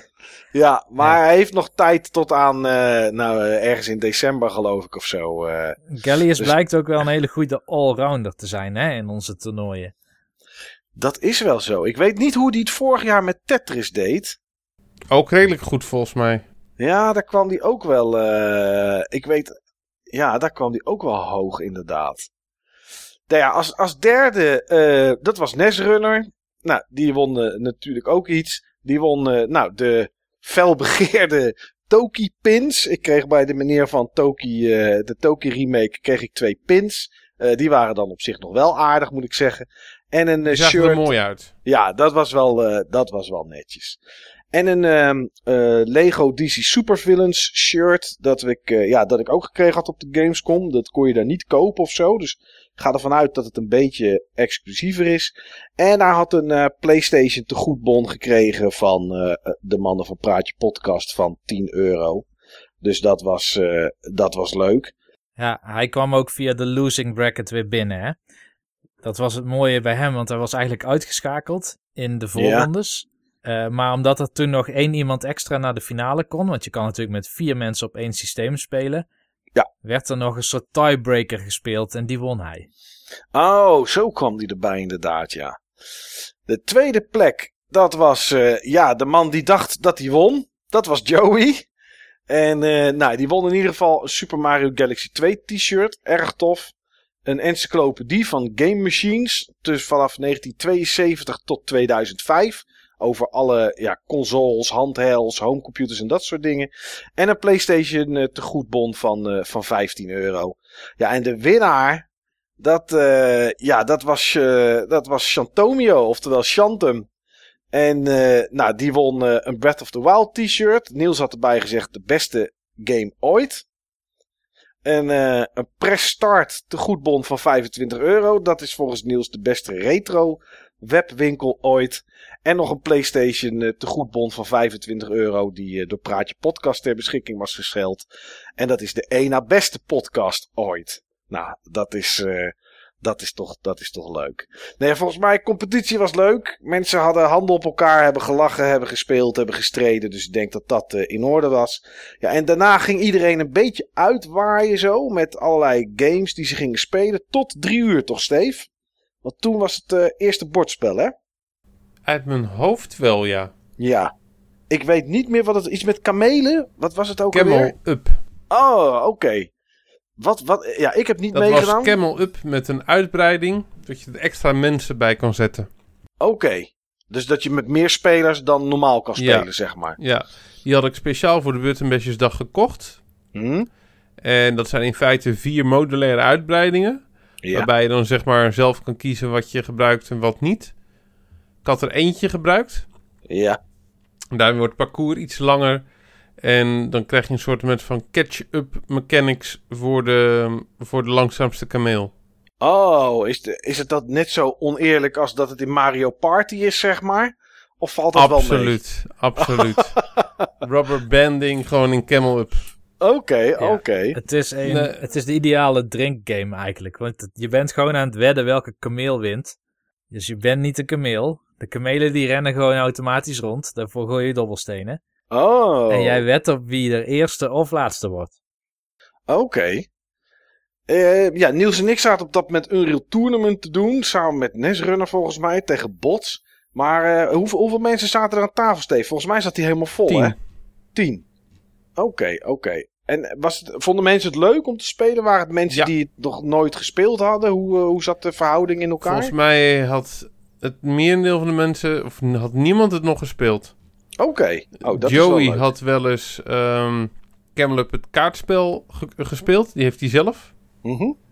Maar die is anders genoeg om te zeggen dat je dit niet gespeeld hebt. Ja, precies. Oké. Oké, dat is wel leuk. Ja, ik- weet, elk jaar bordspellen worden altijd goed gewaardeerd eh, op de Buttonbashesdag. Omdat het toch, ja, dat is wel het ultieme met z'n allen spelen Ja, natuurlijk. dit spel werd goed gewaardeerd. Maar in principe werd het tweede bordspel wat we hebben gespeeld, eigenlijk een kaartspel, nog beter gewaardeerd. Ik moet alweer lachen als ik eraan denk. Schitterend zeg. Ja, vertel het maar Steve. Wat was het en, en wat was de bedoeling? dat was Secret Hitler. Ja, En dan ben je opgedeeld in twee groepen. De liberalen en, en de fascisten. ja. En de fascisten weten van elkaar wie ze zijn. Wie de Mhm. andere fascisten zijn. En eh, de liberalen weten dus niet, zeg maar, wie, eh, wie de liberalen is en fascist. Nee. En eh, in de groep fascisten heb je ook één, ehm, één speciale fascist, Hitler. Ja. En die weet niet wie de andere fascisten zijn. Nee. Terwijl de de andere fascisten... fascisten Ja, Weten wel wie Hitler is ook, weet hè? wel wie Hitler is, ja. Ja, ja, ja. Ik heb daar aan meegedaan. op, mijn, op mijn manier. En, Op eh, jouw onnavolgbare manier.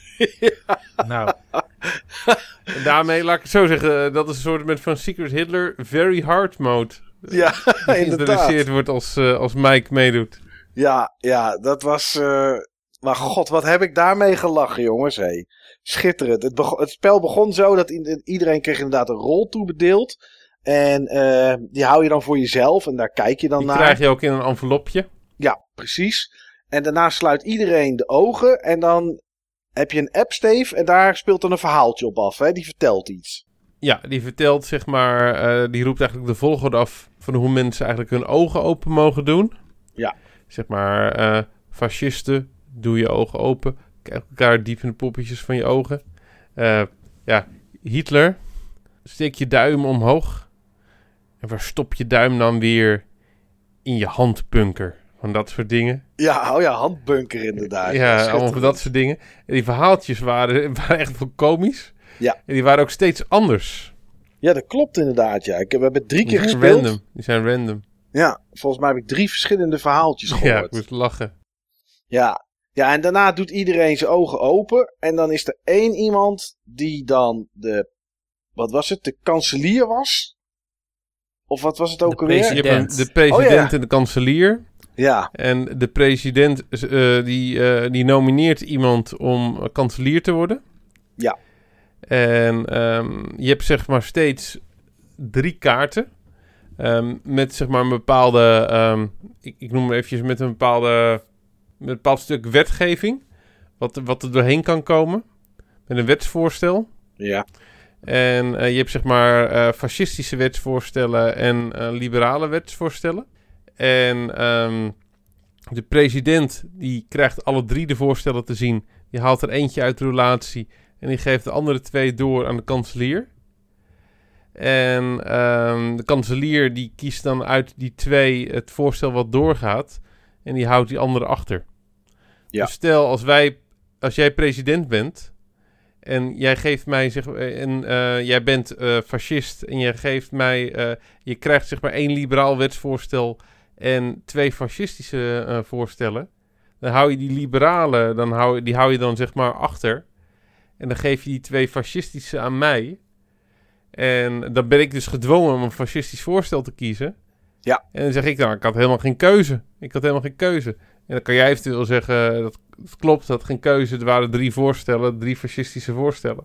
Of je kan zeggen, eh ja, het wel een keuze. Ja, je kan erom liegen. Waarom, waarom, heb je nou, waarom heb je dat liberale voorstel niet gekozen dan? Ja. Ja, want de liberalen, dat zijn er. eh waar, zijn dat er zes? In een groep van tien personen zijn dat er zes. Ja, precies. En ja, de liberalen willen natuurlijk Hitler stoppen. En Hitler wil natuurlijk winnen. Dus het is die groeperingen tegen elkaar. En het is vooral. De game wordt vooral gemaakt op het moment dat mensen. ehm, strategieën openbaren met anderen. Van ja. eh, eh, naast mij zat, zat Nesrunner. En rechts van mij zat Piers. En naast Piers zat eh Annemiek. En, en dat je gaat zeggen van ja, maar eh, Piers die doet zo raar en die, die zit elke keer in die hoek. En die gaat zichzelf dan verdedigen van nee, ik ben geen fascist. En nou ja, zo komen al die theorieën bij elkaar. En omdat je niet weet wie de waarheid spreekt, is het voor sommige mensen, en Joey was daar heel sterk in, eh, die worden dan heel verbaal van ja, maar hij zit te liegen. Want hij doet dit en hij doet dat. En dat maakte die game echt heel tof, moet ik zeggen. Dat maakte het echt heel erg lachen. Het is ook leuk om gebruik te maken van al die theorieën die worden geopperd. Bijvoorbeeld, ik was in de eerste ronde was ik fascist. Maar ik werd door iedereen vertrouwd. Omdat ik twee keer een goede agenda of een, eh, wat is het, een, eh, Een liberaal, een voorstel. liberaal voorstel heb door laten gaan. Ja, Maar dat, dat was ook juist om vertrouwen te winnen. En om dan ook aan te geven, hey, het lukt nu wel met die persoon en het lukt met die persoon. En ik wist natuurlijk precies wie allemaal liberaal waren en wie fascist waren. En ehm, ja, ik speelde het steeds zo dat ik heel openbaar met mensen speelde die overduidelijk liberaal waren. ja, En ik Ja. had op een gegeven moment had ik twee kaarten ook gekregen, volgens mij van, van, van Annemieke. En ze gaf mij een liberale en een fascistische kaart. En ik zat naar die kaarten te kijken. Ik zat te denken, wat moet ik nou doen? Ik moet een keer wel een fascistische kaart spelen, want anders kom ik niet op voorsprong. Toen dacht ik, ja, maar ik zit nu al drie seconden naar die kaart te kijken. Ik moet gewoon natuurlijk meteen de liberale eh, spelen, want anders denken mensen, waarom moet hij zo lang denken over die keuze? Ja, ja, dat Dus komt er er ook nog eens heel bij veel in je hoofd om, eh, om op het moment dat je die game speelt. Echt heel gaaf gedaan. Ja, ja, echt heel, eh, echt heel erg tof. En ja, wat ik net al zei, weet je, de game is vrij simpel. Het zijn wat kaarten en twee, twee, twee stukjes karton waar, waarop gespeeld wordt. Dat is het, maar het is het idee en alles wat, wat mensen zelf erbij verzinnen, wat die game eh, zo interessant maakt. Ja. Maar ik zag op Buttonbashers Forum dat voor mensen deze game wel, eh, voor, voor een aantal mensen, dat dit wel echt de hoogtepunt was van, eh, van de dag. Ik moet ook zeggen, eh, ja, voor mij ook wel, denk ik. Ik heb echt, ik heb zo hard gelachen. Oh, oh, oh, wat was dit Ja, je mooi, deed zeg. het ook echt leuk, Mike. Ja, ik, ik was de eerste keer was ik fascist, denk ik. Jij was En- liberaal. De eerste keer was ik liberaal, inderdaad. Maar omdat ik overal standaard nee op zei als de president een, een, een kanselier eh, verkoos. Ja, zei Joey van, ja, jij moet wel, jij bent fascist, Mike is fascist. En dat was ik helemaal niet. Maar ja, doordat die gedachte wel zo was, ja, ging het gewoon mis. En werd er gewoon heel, heel rare gedachtegangen kreeg je dan. Ah, dat is schitterend, man. Dat is, eh, ja, ik vond, dit, eh, ik vond dit echt heel tof. Dit was echt een mooie toevoeging, Steve. Wat Ja, vorig Ma- jaar... Mike speelde het met een uitbreiding, het spel. Mike speelde het met de anarchisten-uitbreiding. Ja, inderdaad, ja. Ja. ja, wat vorig jaar een beetje Cards Against Humanity was, was dit jaar was dat eh, Secret Hitler, denk ik. ja, en die had ik ook speciaal voor de Buttonbashers dag gekocht. Ja, ja, heel erg tof. Maar goed, er was natuurlijk ook games te spelen. Heb je iets aan games gespeeld, Steve, die dag? Ja, Wat heb je gespeeld? ik heb op een NES Mini zitten spelen met eh NES Runner, Mhm. Double Dragon 2. Mm, dat was op die Beamer, toch? Ja, Ja, ja dat had ik Eh, gezien dat wel inderdaad. heel ja. tof. En dat was eigenlijk, denk ik, het enige spel wat ik naast, ehm, naast de competitie gespeeld heb. Ja, Eh, ik zat te denken. Ik had mezelf voorgenomen. Elk jaar ga ik daar weg. Tenminste, elk jaar. De vorige twee, twee edities. Ga ik daar weg en denk ik. Oh, ik heb. De volgende keer ga ik echt heel veel meer spelen. En dat had ik mezelf nu ook voorgenomen. Ehm, ik heb gespeeld niet in de competitie. Dus daar heb ik niet aan meegedaan. En ik heb Unreal Tournament gespeeld. En ik heb Secret Hitler gespeeld. En dat was het. Meer controllers heb ik niet in mijn handen gehad. Ja, ik heb misschien in totaal nog een anderhalf, twee minuten aan de Mortal Kombat kast gestaan. Omdat we met een heel groepje buttonbashers probeerden om eh, Mortal Kombat uit te spelen op de kast. Dat niet gelukt is. Nee. Ehm Ja, die laatste baas, ik weet zijn naam niet eens meer. Zo'n eh Chinese. Shao Kahn. Die, ja. Ja. Ja, die, die cheat. Ja, die cheat heel erg hard. En ze wisten niet meer, volgens de mensen die de game waren begonnen, dat was Shantum volgens mij, eh, hadden ze de game gestart op Novice, dus op de makkelijkste stand. Maar ik kan me bijna niet voorstellen. Ik kan me bijna niet voorstellen. Maar goed, ja, er hebben meer mensen aangestaan. Eén keer winnen, dat lukte dan nog wel. Maar daarna werd hij nog viezer in, eh, in al zijn trucjes. Dus eh, ja, dat is eigenlijk wat ik alleen maar gespeeld heb eh, die dag. Heb, heb jij meer gespeeld, Niels, of niet? Dan Steve en ik bij elkaar. Eh, even kijken. Unreal Tournament, Mortal Kombat, Secret... Oh, ik heb met, met Ruud heb ik ook Double Dragon 2 gespeeld. Oh ja. En Super C en een heel aantal potjes Dr. Mario. Dat heb ik nog gezien. Nou, toen ging ik weg. Toen zaten jullie Dr. Mario te spelen, ja. Ja, dat is een leuk spel. Het is een van de weinige puzzelgames die ook voor een kleurenblinde goed werkt. Ook al draait het om kleuren. Ja. Dat komt omdat al die beestjes die zien er net iets anders uit en die animeren anders. Dus dat valt wel op. Oké. En heb je dat tot kwart over negen zitten spelen? Want dat zat je ook te spelen toen ik wegging. eh. Ja, dat heb ik inderdaad tot kwart over negen dan gespeeld. Oké. En ik heb Oh. alle potjes verloren trouwens, hè. Oh. Nou, ik vind het wel dapper dat je dat zegt. ja. Nou ja, voor de rest denk ik dat de sfeer goed was. Ik heb mensen... eh, Er was... eh, Moet ik even denken wie het was. Er was Arjan 81 volgens mij. Die was er met zijn zoontje van een jaar of acht. Het kan zijn dat ik hem nu Heette verwissel met Daniel? oldschool. Ja. Ja, hij heette Daniel, maar ja, dat, ja, volgens mij was het Arjan. Want oldschool had ook zijn zoontje mee. Ja. En die was iets ouder. Mhm. Ehm, en toen ik wegging, om kwart voor negen was dat ongeveer, zoiets. Toen, eh, toen zat hij er nog, terwijl eh, rond Klopt, een uur dat of... eh, super mooi. ja, kwart Dat over vond ik elf. zo mooi. Daar Ja, kon ik ook van genieten. dat was echt gaaf, hè? Ja, hij zat met zijn zoontje, zat hij daar. En ik zeg, hey, ik zeg, ben je er nog, joh? Ja, ja, ja. Hij zat achter een eh, oude DOS slash eh, Windows 95 of 98 machine, zat hij. En hij zegt, ja, we moeten nog eventjes eh, dit leger verslaan. Zat hij samen met zijn zoontje. Age of Empires zaten ze te spelen. En eh Arjan zat aan de knoppen, weet ik. En zijn zoontje zat ernaast. En ja, nog even een legertje bouwen. En nog even dit en nog even dat. Dus eh, ja, daar werd, eh, daar werd goed gebruik van gemaakt. En eh Arjan was er voor het eerst. Ja, die was er voor het eerst volgens mij. En ehm, dus dat was, dat was echt heel leuk om te zien. Nou, ook Oldschool, die was er, was er voor het eerst. Ook met zijn zoontje. En later kwam er nog een kameraad van hem. Volgens mij. En plus, ze, hij was met twee extra mensen. Met zijn zoontje en met nog iemand anders. En die zaten ook best wel lang te spelen. En ehm, ja, het was gewoon een hele gezellige dag was het weer. eh. ja, ik, eh, wat me wel opviel, dat dacht ik ineens aan toen ik daar liep bij Awesome Space. Was dat in vergelijking met het eerste jaar zijn er wel een hoop dingen beter geworden. Want het eerste jaar hadden we nog last van stroom dat af en toe uitviel. Dan zag je ze met haspel slepen door de gangen en zo. Dat is gelukkig allemaal wel... Oh, dat weet ik eh, niet eens meer, joh. ja, dat was in, de, in, het, ehm, in het gedeelte waar de bar zeg maar is. Waar je wat kan eten en kan drinken. Ja, daar viel dan elke keer de stroom uit en dat soort zaken. Want toen was het ook warmer. Toen stonden ook airco's aan overal. Maar dat is wel, eh, ja, dat is wel, eh, dat is wel beter geworden.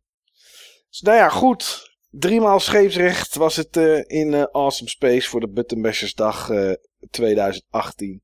En die was in ieder geval geslaagd, denk ik, jongens. Dat kunnen we wel zeggen. Zeker.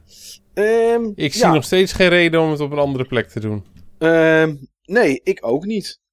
Nee, er is nog, geen, nog steeds geen plek die beter aansluit dan dit. Al ben ik wel aan het kijken om zelf ook eh, twee PC's op zolder erbij te zetten. Maar ik, kan geen 30 mensen in mijn huis kwijt.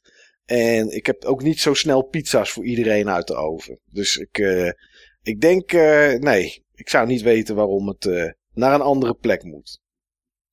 Ik denk dat het tijd is voor een eh, kleine intermezzo, even een kleine break. En eh, nou ja, dan moeten we maar eens kijken wat er nog over is eh, voor de Game Talk. En we hebben ook nog een hoofdonderwerp, Droomgame. Dus we hebben nog genoeg om te bepraten. Maar laten we even een kleine, korte break doen.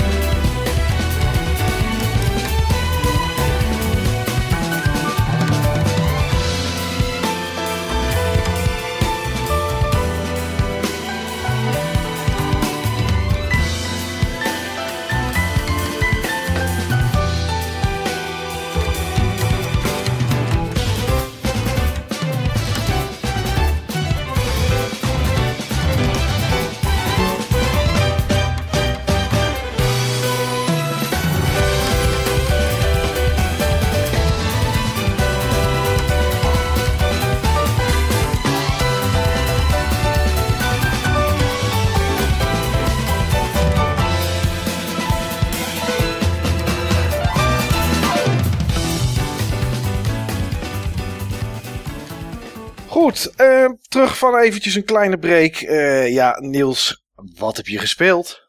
Ik, eh, om te beginnen wil ik aansluiten bij iets wat ik in de introductie heb verteld.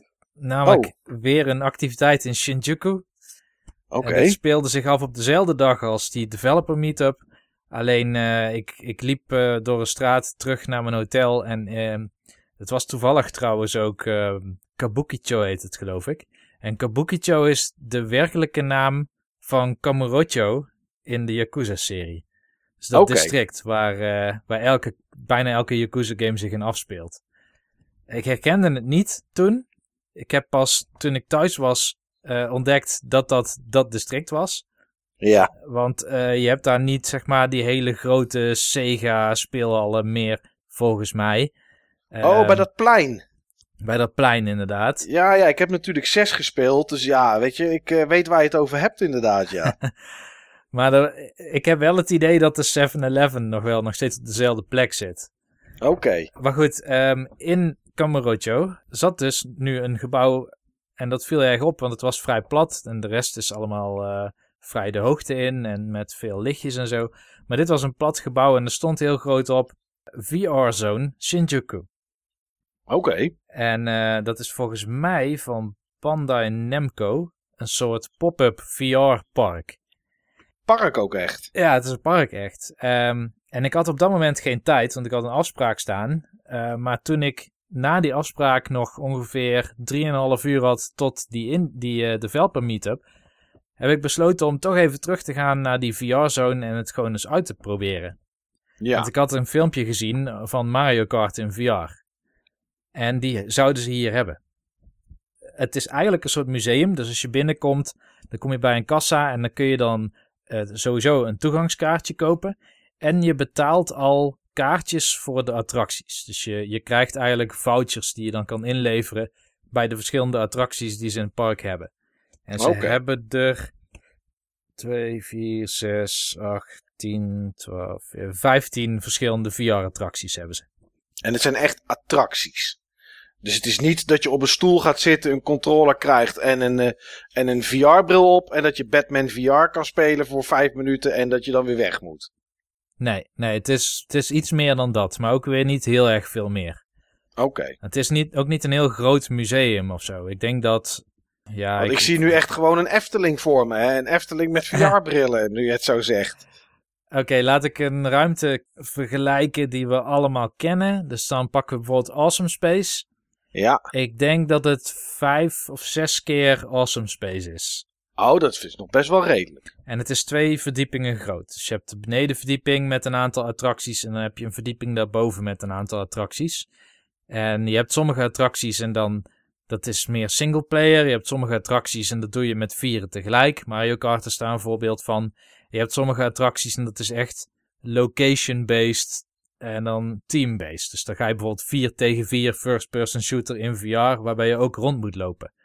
Dus daar heb oh, je ook dat is sensoren. wel... eh, dat klinkt wel goed. Ja, maar die waren en heel duur en ehm daar had ik gewoon geen tijd voor om die te doen. Want er staat bij elke attractie ook een wachtrij. Eh, elke attractie kost ongeveer 9 euro, denk ik. Oh, dat is wel eh, stevig. Ja, dus ik heb een toegangskaartje gekocht en drie attracties. En volgens mij was ik dan rond de 30 euro kwijt. Dus je, ja, het is best prijzig. Ja. Eh, en dan kom je daar binnen en ik zag Mario Ik ben meteen naar Mario Kart gelopen. Ik dacht, dit, dit moet ik in ieder geval gedaan hebben.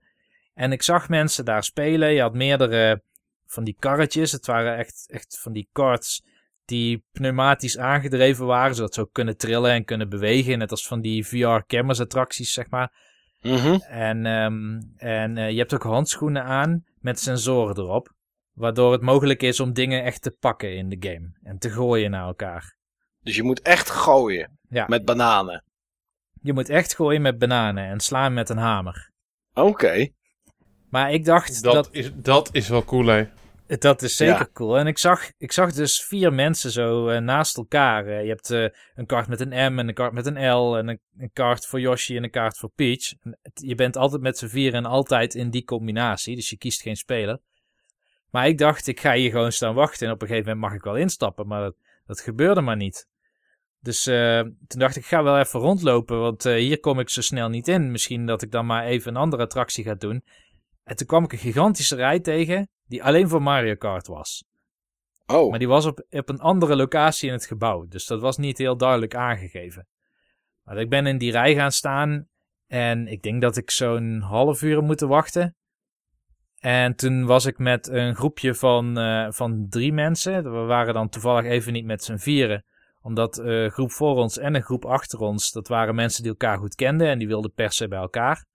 En ik was dan nog samen met een, eh, een Japans eh, jongen en een Japans meisje. En we hebben toen met z'n drieën dus gespeeld. En ik was Mario.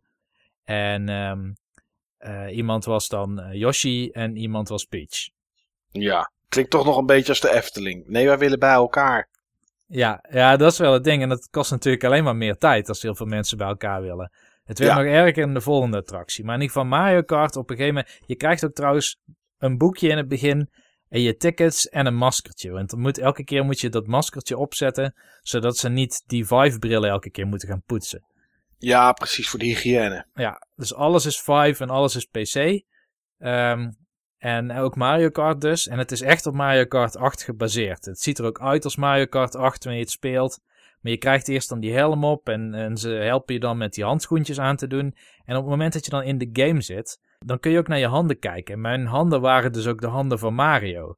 En, en je kan natuurlijk achterom kijken en je, en je kan je, je hand uitsteken. En dan zie je die hand ook precies zoals je dat probeert te doen in, eh, voor je uit.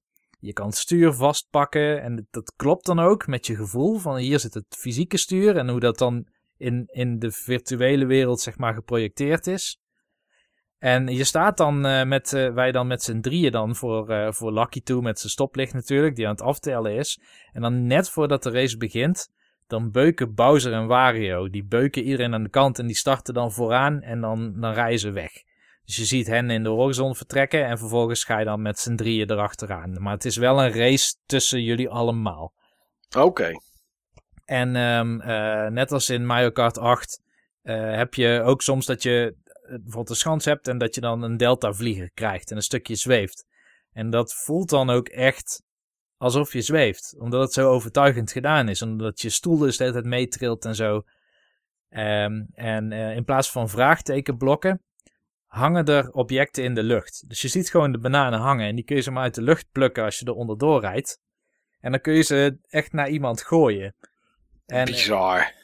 Ja, en, en dat werkt ook heel goed. Ik maakte me daar een beetje zorgen over van hoe werkt het dan met de precisie. En ik, bijvoorbeeld, ik heb wel eens ooit um, weet het, Superhot gespeeld. En uh, daar heb ik altijd moeite gehad, bijvoorbeeld met de fles oppakken en weggooien. Want je moet dan altijd de knop indrukken en zo, werkt altijd maar half. Maar omdat je nu een handschoen hebt, is het veel makkelijker.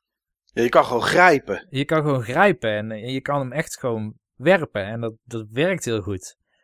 En het duurt best wel lang en het circuit, je hebt maar één baan ook in het spel, maar dat voert je wel langs de algemene Mario Kart thema's. Dus het is in het begin zeg maar meer zo'n soort Mario Circuit, maar je gaat dan ook door een soort Bowser Castle heen en door een vulkaangebied bijvoorbeeld. En volgens mij ook door Spookhuis, maar dat weet ik niet helemaal zeker meer, want ik was zo gefocust op winnen. uh, is dat gelukt? Dat is gelukt. En het was... Oh, nice. Het, het, je hoort trouwens ook de andere spelers, want je hebt ook speakers in je koptelefoon. En je praat dus ook met anderen. En ze probeerden de hele tijd met mij te praten, maar dat had ik niet door, want ik was veel te gefocust op, uh, op de race. Maar op een gegeven moment, toen kwam dus bijna bij het eind. Ik kon de finish in de verte al zien liggen. En toen kwam Yoshi gewoon heel gestaag net naast me voorbij me rijden. En uh, ik dacht, nee, dat kan echt niet. Ik wil niet dat die kerel wint. Dus ik had uh, een hamer uit de lucht geplukt. En ik ben ja. helemaal ballistic gegaan op Yoshi. Ik heb gezorgd dat hij hoe dan ook laatste ging eindigen, zeg maar. En ik had Bowser en Wario al ingehaald. Dus als, als ik Yoshi in ieder geval kapot kreeg, dan zou ik winnen. Werd het meisje waarschijnlijk tweede, werd Yoshi derde. En dan gingen we de finish over en dan was ik tevreden. Dus uh, zo geschiedde. Uh, Yoshi werd genadeloos uh, kapot gemaakt. Die spinde zo'n beetje elke bocht en werd daarna door iedereen ingehaald. Ik ging als eerste over de finish. Ik werd gefeliciteerd door het meisje zeg maar, wat mij hielp met uh, in, in de setup kruipen en alles aantrekken. En ik stapte uit en ik dacht, ik ga even naar die andere twee spelers toe. Mag ik iets, mag ik iets dubbel checken, Niels? Mm. Dus je had een plan om eerste te worden? En dat klopte? Ja. Dat lukte? Het lukte. Dus zeg maar, als je een plan hebt om eerste te worden en je voert dat perfect uit... Ja. Dan word je daarmee eerste. Daar kun je lering uit trekken. Ik ken mensen die daar lering uit kunnen trekken. Inderdaad. ja, en als je eenmaal eerste wordt, dan kun je gewoon vriendelijk ook de mensen die tweede en derde worden, zonder dat er een venijn... dat kan ook. Dus uh, ik, uh, ik zei al tegen, tegen die jongen zo van, sorry uh, jongen dat ik uh, zo tekeer tegen je ben gegaan in Mario Kart. hij zei, ja nee, dat was ik niet. Dat was mijn vriendin. Dus hij was Peach. Oh. oh, je hebt dat meisje helemaal tot pulp geslagen. Ja, ja. Oh. Dacht ik, nou, ik hoop dat ze nog een beetje plezier aan de Mario Kart heeft gehad. Maar, maar, maar zit je of sta je, Niels? Je zit, neem je ik zit, ja, je zit echt in een kart. Ja, en dus jij bent gas aan het geven. Je bent met je linkerhand of, of rechterhand aan het sturen. En met die andere ben je zijwaarts slaanbewegingen aan het maken. En dan ben je af en toe aan het kijken ja. om met een hamer op een, op een kart te rammen. En dat werkt verbluffend goed. Bizar. Ja, je hebt echt het gevoel dat het klopt waar je slaat. Dus waar je zou willen slaan.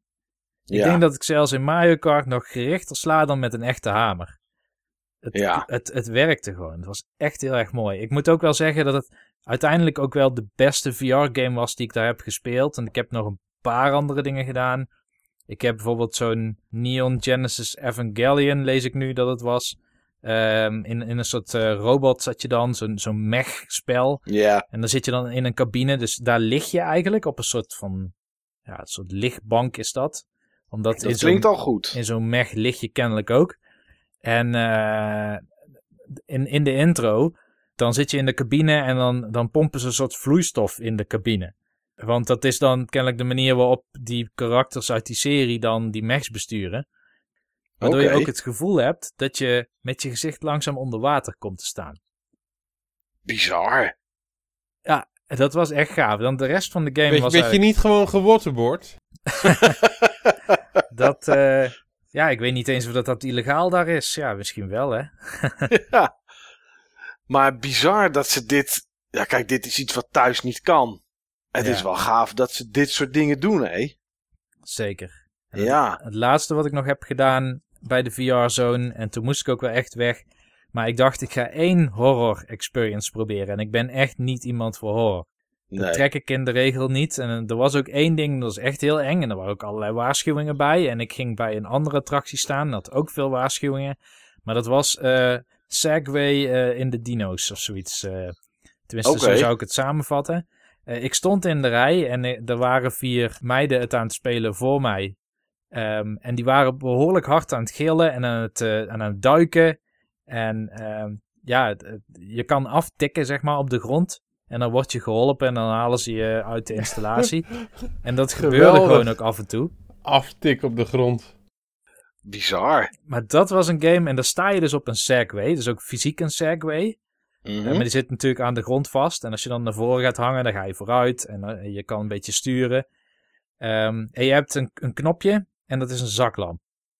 En uiteindelijk, het, het idee is, maar je wordt met vier mensen gedropt in een jungle. En het is helemaal donker en overal zijn dino's. En je moet een soort helikopterplatform vinden. Dat, dat moet je bereiken binnen een bepaalde tijd. Maar je hebt een accu en die gaat vrij snel leeg. En eh, als je zaklamp aan staat, dan gaat die nog sneller leeg. Maar zonder zaklamp, dan zie je bijna niet waar je naartoe moet. Want het is echt super, super donker. Maar met zaklamp, dan zien de dino's jou. Dus het is heel spannend van wanneer zet je die zaklamp nou wel en niet aan. Ja, ja, ja. Dus, Oké. De scheiter die ik ben, heb ik natuurlijk gewoon zaklamp meestal uitgelaten en als een malle vooruit gereden. eh, in de hoop dat het wel goed kwam. en eh, dan, dan bo- bots je ergens tegenaan. Oké, ik zet de zaklamp maar even aan. Dan zie je in één keer heel snel in je ooghoek zie je een soort van Tyrannosaurus Rex of zo aankomen. Oh, die zaklamp uit. Nou, ik rij maar een stukje de andere kant op dan. Ehm, maar wat dus heel apart is, is dat ik werd op een gegeven moment dus ook gepakt door een dinosaurus. En dan zit er een soort, ik weet niet meer, eh, ik geloof dat dat botkikkers heet of zo. Het zijn een soort subwoofers, die zitten dan in de grond. En je voelt dus dat, dat er iets tegen jouw Segway aanbeukt. Oké. En, eh, en, en ook spuit er, eh, wat is het, eh, lucht in je gezicht, zeg maar. En, en dat is ook wat het zo, zo spannend maakt. Net als dat je vroeger in een spookhuis was waar je allerlei van die schrik-effecten had. Ja. Dat zit hier dan ook in. Maar dat zijn dan die dino's, die eten dan of die proberen te happen. En dan krijg je in één keer hoge luchtdruk in je gezicht. En eh, ja, dat is denk ik waarom, eh, waarom die meiden gingen aftikken. Tenminste, sommige ervan. Maar ik ben, eh, ik dacht gewoon, weet je wat, als er heel veel enge dingen zijn, doe ik gewoon mijn ogen dicht en ik rij gewoon rechtdoor.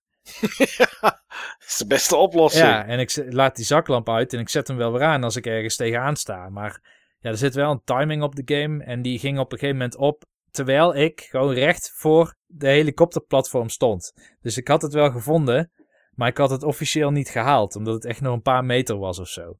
Ja. Nou, wel grappig. Zeker grappig. Ja. Eh, ik race nog door een paar kleine dingetjes heen, maar daar ga ik verder niet heel diep over hebben. Eh, iets wat ik heb uitgespeeld is eh, eindelijk Fire Emblem Echoes. The Shadows of Valentia, die 3DS-game, die laatste, die vorig jaar is uitgekomen. Ja. Een mindere Fire Emblem, kom ik toch op uit. Er zitten hele rare difficulty spikes in. Soms dan, dan is het spel, is, lijkt bijna onoverkombaar een level. Tenminste, als jij gewoon niet af wilt op Classic. Als je niemand kwijt wil raken. Eh, en dan doe je er heel veel pogingen over. En in de endgame was iedereen een soort god. Ja, je werd wel wat geraakt, maar niet dat, dat je gevaar opliep of zo. Dus Nee. het is gewoon compleet out of whack, zullen we maar zeggen. Nou ja, ik ben inmiddels weer begonnen met de volgende Fire Emblem game, Revelations. Dat is het derde deel uit de Fates-trilogie. Ehm, maar daar ben ik echt pas net aan begonnen, dus daar ga ik nog niks over zeggen. Behalve dat het tot nu toe nog wel wat dingen uitlegt die eh, Conquest en Birthright niet uitlegden. Dus je had altijd twee volkeren die met elkaar in gevecht waren, Noor en Hoshido. Ja. Eh, en je weet eigenlijk niet als speler waarom überhaupt die oorlog en die strijd is begonnen. En, en je hebt ook zo'n karakter, eh, Azura, en ze lijkt meer een soort van plot device te zijn. Maar dit deel legt wel meer uit van wat daar nou precies aan de hand is. Alleen de gameplay eh, is lang geen, ehm, geen conquest. Hmm. Oké. Heel kort tussendoor had ik ook nog eh, Knights of Azure 2 Bride of the Full Moon heet het geloof ik gespeeld. Als jij ooit denkt, ik wil een soort, nou komt een soort van Bart en Keitels moment weer, waar ik zei, eh, ik wil een eh, kazige static background RPG spelen. Ja. Maar als je ooit zin hebt in een eh, Warriors game, een Dynasty Warriors-achtige game, Nou, ik denk niet dat ik dat ooit heb, maar stel dat. dat had ik namelijk. Zonder dat het Dynasty Warriors is, dus zonder dat design template waar je gewoon elke keer van die forten moet overnemen. Ja. Dan is dit nou best wel een aardige game. Ik weet alleen niet hoe deze game ooit door de pitch is gekomen. Want kijk, het is een vrij standaard hack-and-slash roleplaying game, maar dan met een verhaal. Maar het verhaal is iets van, ehm, nou stel je voor dat jij een vampier bent. In een wereld, je bent eigenlijk half demon, maar je hebt daardoor vampiertrekjes. Dus je moet bloed zuigen van mensen om eh, niet te sterven. Of om niet full demon te worden. En je bent in een wereld die altijd nacht is. Want de Moon Queen of zoiets. Ik weet niet eens meer wat het detail precies was. Maar het is altijd nacht. En, Ja. En je, je bent vooral in een hotel.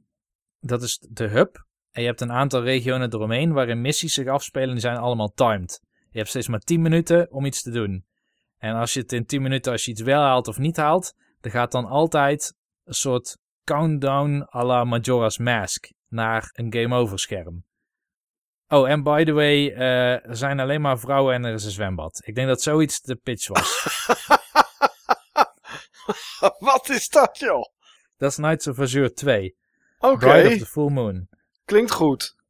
Moet ik het spelen? Ik zou deze game gaan spelen, eh, die ik nu ga noemen, Dead Cells. Oh, nou. En die kun je van mij overnemen, want ik weet dat jij die ook hebt gespeeld. Weet je wat? Anders pak het stokje nu maar vast over. Nou, ehm, ja, Dead Cells. Ik, eh, ik heb het nog niet zo lang gespeeld. Ik, eh, ik, ik wist niet of ik het ging waarderen, of ik het tof vond. En ik was van de week bij een kameraad van mij die zijn eh, Switch heeft bevlekt met de welbekende hack die er is. En ja, dat is dan toch een mooi moment om eventjes iets te proberen. Dus ik zei, joh, ik zeg, ik wil Dead Cells eigenlijk eventjes proberen. En de reden dat ik dat wilde doen was dat ik zag dat er ehm, op het Buttonbashers forum een topic over aangemaakt was. Dat gebeurt niet zo vaak. En ik had wat gameplay zitten bekijken, maar ik snapte het eigenlijk niet zo heel erg goed. Dus ik dacht, ik moet dat eventjes spelen om te kijken of het interessant is en of ik dit moet gaan kopen. Nou, ehm, goed, hij had hem eh, op zijn Switch gezet en eh, ik zeg nou, eh, hij ging eten maken. Iets met, nou komen we weer op onze Aziatische full circle. Iets met nasi en saté. En ehm, ja, ik zat te spelen en voor ik het wist was ik eigenlijk een uur verder. Ik snapte de helft niet. En eh, nu ik het vandaag rustig ben gaan spelen, snap ik een, nog maar een kwart. Dus ik snap drie vierde niet. Maar ik, eh, ja, ik vind het wel heel tof eigenlijk. Dus ik heb de game uiteindelijk gekocht voor de PS4. Het is een roguelike. Nee, een, een- god, een roguelike Metroidvania. Zo moet ik het zeggen volgens mij, hè Niels? Zo noemen ze het zelf in ieder geval wel, ja. Ja, ik weet niet precies wat dat roguelike, wat ze daar precies mee bedoelen. Moet ik heel eerlijk zijn. Nou, Ehm, dat je elke keer wanneer je afgaat, helemaal opnieuw begint en al je wapens en zo kwijt bent. Oh, dat, dat, verstaan, dat verstaan ze dus onder roguelike. Oké. Ja. Nou ja, dat is het dus inderdaad. Het is een, het is een platformer. ehm, waarbij inderdaad, als je dood bent, je bijna alles wat je tot dat moment verzameld hebt kwijt bent. Niet alles. Er zijn een aantal upgrades die permanent zijn. En ehm, het is een. Ja, het is gewoon een indie game, toch? Ja. Ja, het is een indie game. Eh, het is de nou ja, vroeger noemden we het 16-bit sausje. Tegenwoordig moeten we zeggen dat het pixelated art is. En ik moet ook wel zeggen dat het ook wel echt zo eruit ziet. Eh, grafisch vind ik het wel echt heel erg tof. Ja, het zijn pixels, maar het, ja, licht effect. eh, eh, ik denk dat alle hedendaagse trucjes er wel in zitten. En het, het, het is ook super vloeiend geanimeerd. En ja, je bent een gevangene. Je zit in een, in, in, in een cel. En ja, wat je doel is, moet ik heel eerlijk zeggen, dat weet ik eigenlijk nog helemaal niet. Want er is niet zo heel veel verhaal als je de game opstart. Je begint gewoon met lopen. En ehm, Ja, je kan springen, je kan dubbeljumpen. Daar begint het in ieder geval mee. En je hebt wapens. En, of bijvoorbeeld schilden. En die zijn opgedeeld in drie kleuren. Je hebt rood, paars en groen. En terwijl je speelt kan je eh, tijdelijk, want als je doodgaat ben je ze kwijt. Kan je upgrades verzamelen die een van die drie kleuren versterkt. Nou ja, je kan geld verzamelen, je kan wapens verzamelen. En er zit heel veel in, Niels, wat ik nog niet begrijp. Het, het is als je doodgaat, dan kom je. De eerste twee levels heb ik niet meer teruggezien. Daarna kom je op een plek waar heel veel eh, flesjes hangen. En daar komen items in of zo die je verzameld hebt. Er is een deur waar een klok op draait, waar ik helemaal niets mee kan. Ehm, ik heb beestjes die ik kan kietelen, maar ik weet niet waarom, want het doet niks. Soms zijn er plekken waar ik niet bij kan. Ik, ik, ik snap de helft nog niet, Niels. Nee, nou ja, kijk, deze game laat zich super lastig omschrijven ook. En ik merk dat elke omschrijving die ik tot nu toe heb gehoord, die verkoopt de game niet aan mij. Nee. En, eh, sterker nog, die maakt het super onaantrekkelijk om het te proberen. Want het idee dat je elke keer je progression helemaal kwijt bent, dat je weer van een vooraf aan moet beginnen, dat alle levels randomly generated zijn, zodat je ook Zijn niet- ze, zijn ze dat wel? Zijn ze echt. Want ehm, de eerste drie die ik speelde op de PS4, die waren exact zoals op de Switch. alleen de, de tileset is hetzelfde. Maar de layout Nee, verandert nee. elke keer. Eh, de, nou, de eerste drie niet, kan ik je, kan ik je Ja, verklappen. bij mij wel, elke keer. Oké, vaag. Maar goed. Ik heb nog nooit twee keer dezelfde gang eh, gehad. Oké. Maar ik denk dat dat roguelike is het. Dus ja, eh, elke keer raak je je progressie kwijt. Je moet van vooraf aan beginnen. Eh, maar je moet zeg maar, de patronen leren kennen van de vijanden. Beetje net als bij de Souls games. Ja. Die snap ik. En er zitten Mhm. inderdaad wat permanente upgrades aan. Dus versla je vijanden, dan krijg je vaak cells. En die Ja. cells die kun je dan investeren in, ehm, in bepaalde eh, skills, zeg maar, die permanent zijn. Maar zo'n Ja, skill, maar dat kan niet direct. Dan moet je wel de collector tegenkomen. ja, die zit dan aan het einde van elk level. Ja. En wat wel fijn is, dat in tegenstelling tot in de Souls games, ehm, kun je altijd je cells, en dan moet je zelfs ook, ergens in stoppen. Ook al haal je de threshold nog niet die nodig is om echt die skill te unlocken. Bij, Souls moet je, noem maar wat, 20.000 souls hebben. En dan kun je eindelijk weer een level omhoog. Maar je, Ja. kan, je kan niet alvast 2000 souls bij een bonfire afgeven, zeg maar. Maar dat, Nee. is, dat is hier wel het geval. Dus je kan wel langzaamaan investeren naar een doel. Daardoor heb je altijd een soort progressie. Je hebt altijd het idee dat, dat je nu in ieder geval meer hebt bereikt. Je hebt in ieder geval alvast geïnvesteerd in skills die je interessant vindt. En je hebt al meer geleerd van het spel. Ja. Dan is het ook nog zo dat je in sommige levels, want je hebt geloof, geloof ik 10 levels. ehm, je doet er waarschijnlijk maar vijf achter elkaar om het uit te spelen. Want je hebt een aantal verschillende routes die je kan maken. De meeste levels hebben namelijk meerdere uitgangen. Oké. En eh, ehm, de, de tweede uitgang is misschien niet vanaf het begin af aan al toegankelijk. Want bijvoorbeeld, ja, je hebt het net over die dingetjes die je kan kietelen.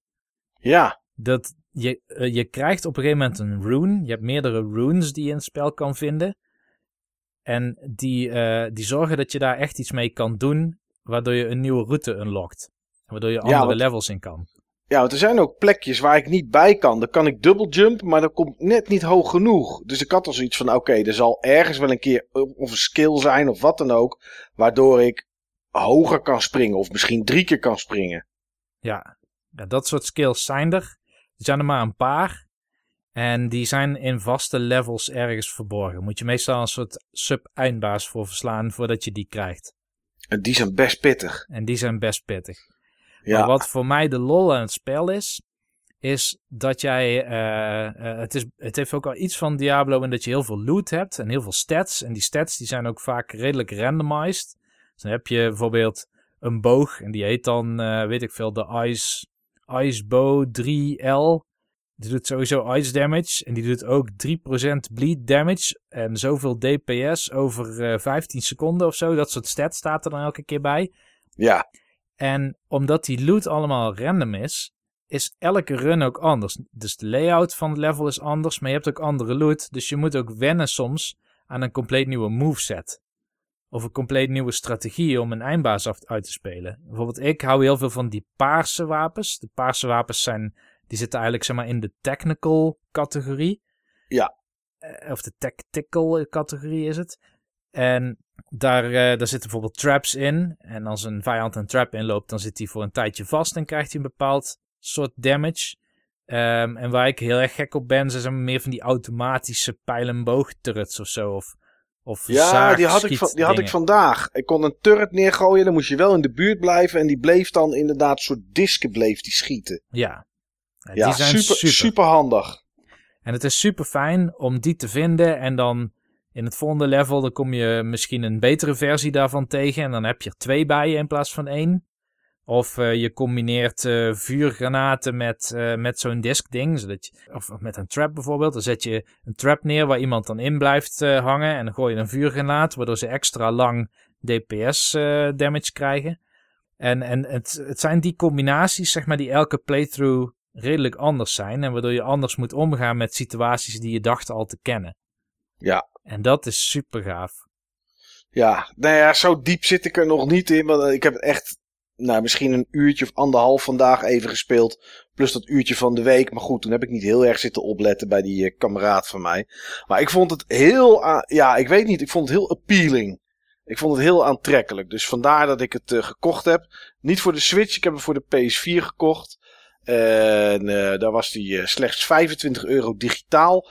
Maar omdat die in Nederland zo slecht nog fysiek te verkrijgen was, dacht ik: dit is misschien een game die straks fysiek nergens meer te vinden is. En dan is het niet zo dat ik hem dan wil gaan verkopen of zo of wat dan ook. Maar dan vind ik het toch leuk om hem te hebben. Dus ja, ik heb er iets meer aan uitgegeven om hem eh, fysiek in handen te krijgen. Want er waren twee webwinkels die ze nog hadden. Your Gaming Zone, tenminste, die, daar kon je hem nog bestellen. Maar daar eh, duurde het vijf tot tien werkdagen. Ik denk, ja, kans is groot dat die dan nooit meer komt. En die andere was Netgame en die hadden er nog drie, stond er op de website. Dus ik Dat denk, is nou, dan een betere gok inderdaad, ja. ja, ik denk laat ik daar dan maar bestellen. Eh, want als ze er nog maar drie hebben, denk ik niet dat ze die hier daarna nog meer krijgen.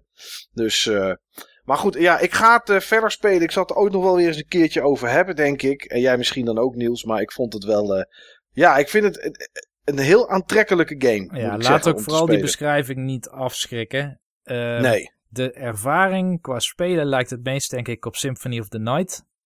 Dat soort Ja. controls heb je ook over je karakter. Dus je bent heel erg in control. En in het begin ga je misschien in level 1 al een keer af. Maar eh, nadat je de nog moeilijkere levels allemaal al bereikt hebt en allerlei eindbazen hebt verslagen, ja, dan ben je zo goed. Dan je vliegt bij wijze van spreken door het level heen op een gegeven moment. Ja. En Ja, dat, dat is merk niet omdat je, wel. betere gear hebt. Het is echt omdat jij de patronen van de vijanden precies kent. Je weet precies eh, eh, als ze een bepaalde animatie eh, afspelen, wat ze daarna gaan doen en hoe ver je van een vijand af moet blijven. Ja, nee, dat, dat is wel zo. Je wordt echt beter. Ja. En dat is, dat is tof om te merken, inderdaad. Nou goed, ehm tweede game waar ik het eigenlijk niet over wil hebben, maar wel ga doen, is Real Fishing op de PlayStation 1. Eh, in de vorige uitzending had ik Ah, het gedaan. Daar is die hoor. Daar is die. Een eh, Make Mike Play, waarbij ik op het forum eh, drie games neer had gezet van de uit mijn PlayStation 1 collectie. Omdat ik dan toch eens een keer dat, dat soort spul ga spelen. En ja, mensen mochten weer, mochten weer stemmen. En daar kwamen niet al te beste games uit, moet ik zeggen. Want eh, de vorige keer was het al niet heel wat. Waarbij eh, Michelin eh, Rally Masters of zo, of zo eruit kwam.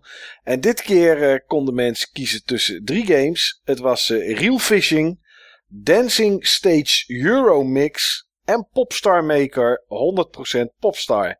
Ja, en Real Fishing, die won. Die had 47% van de stemmen. Popstar Maker 40 en Dancing Stage Euromix 13. Dus ik, eh, ja, ik heb gevist op de PlayStation 1. En ik kan je echt nu zeggen, jongens, eh, wat een bagger is dat, zeg. Verschrikkelijk. Ik, eh, ik stopte de disc in mijn PlayStation 1. Ik dacht, ik zal eens even kijken hoeveel krassen erop zitten. Nou, je raadt het al bij een game zoals dit. Hij zag eruit als nieuw. Want er is geen hond die dit speelt. En ik snap het ook helemaal. Ehm, game erin. Nou, het begint. En het eerste wat ik zag waren allemaal FMV's van beekjes en, en plekjes waar je kon vissen. Ik denk, nou oké, best aardig, FMV-intro, leuk. Eh, ik drukte het door en in één keer liep die automatisch door naar een of ander, nou liep, kroop was het meer. Het ging tergend langzaam. Je merkte gelijk dat het een game is voor je ontspanning. Heel langzaam liep, liep ik naar een deur toe en dat was dan een soort visclubhuis. Daar moest ik mijn naam invoeren en daarna ging je naar binnen. Er werd er een boek opengeslagen en werd ik eigenlijk gelijk bij een stukje water gezet, wat zo'nzelfde FMV was.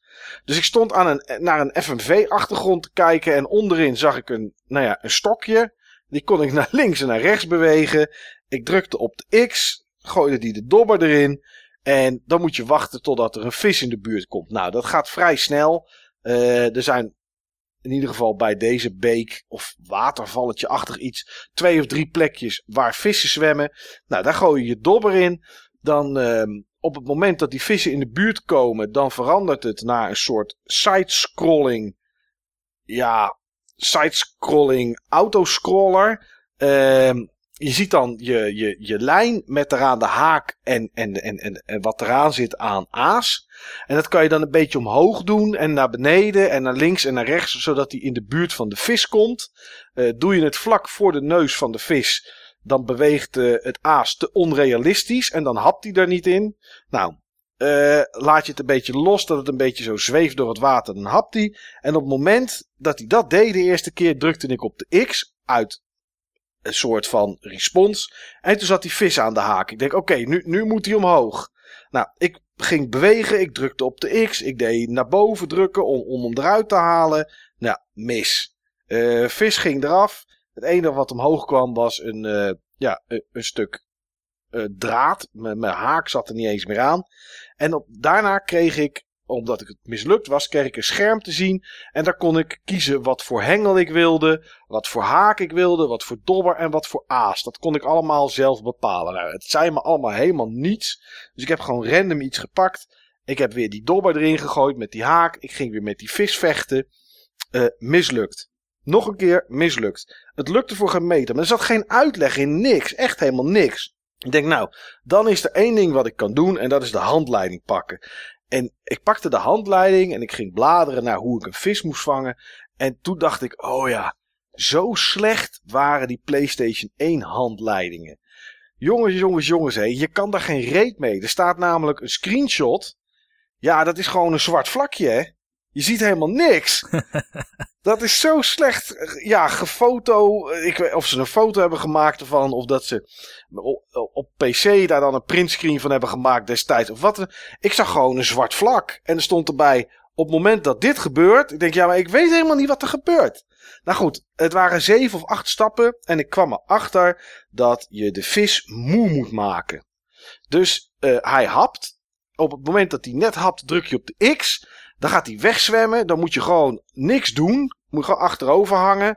En op het moment dat hij langzamer gaat zwemmen. Dan druk je op de X en op, naar boven. En dan ga je hem naar binnen halen. En op het moment dat hij dan gaat tegenspartelen. Moet je weer alles loslaten.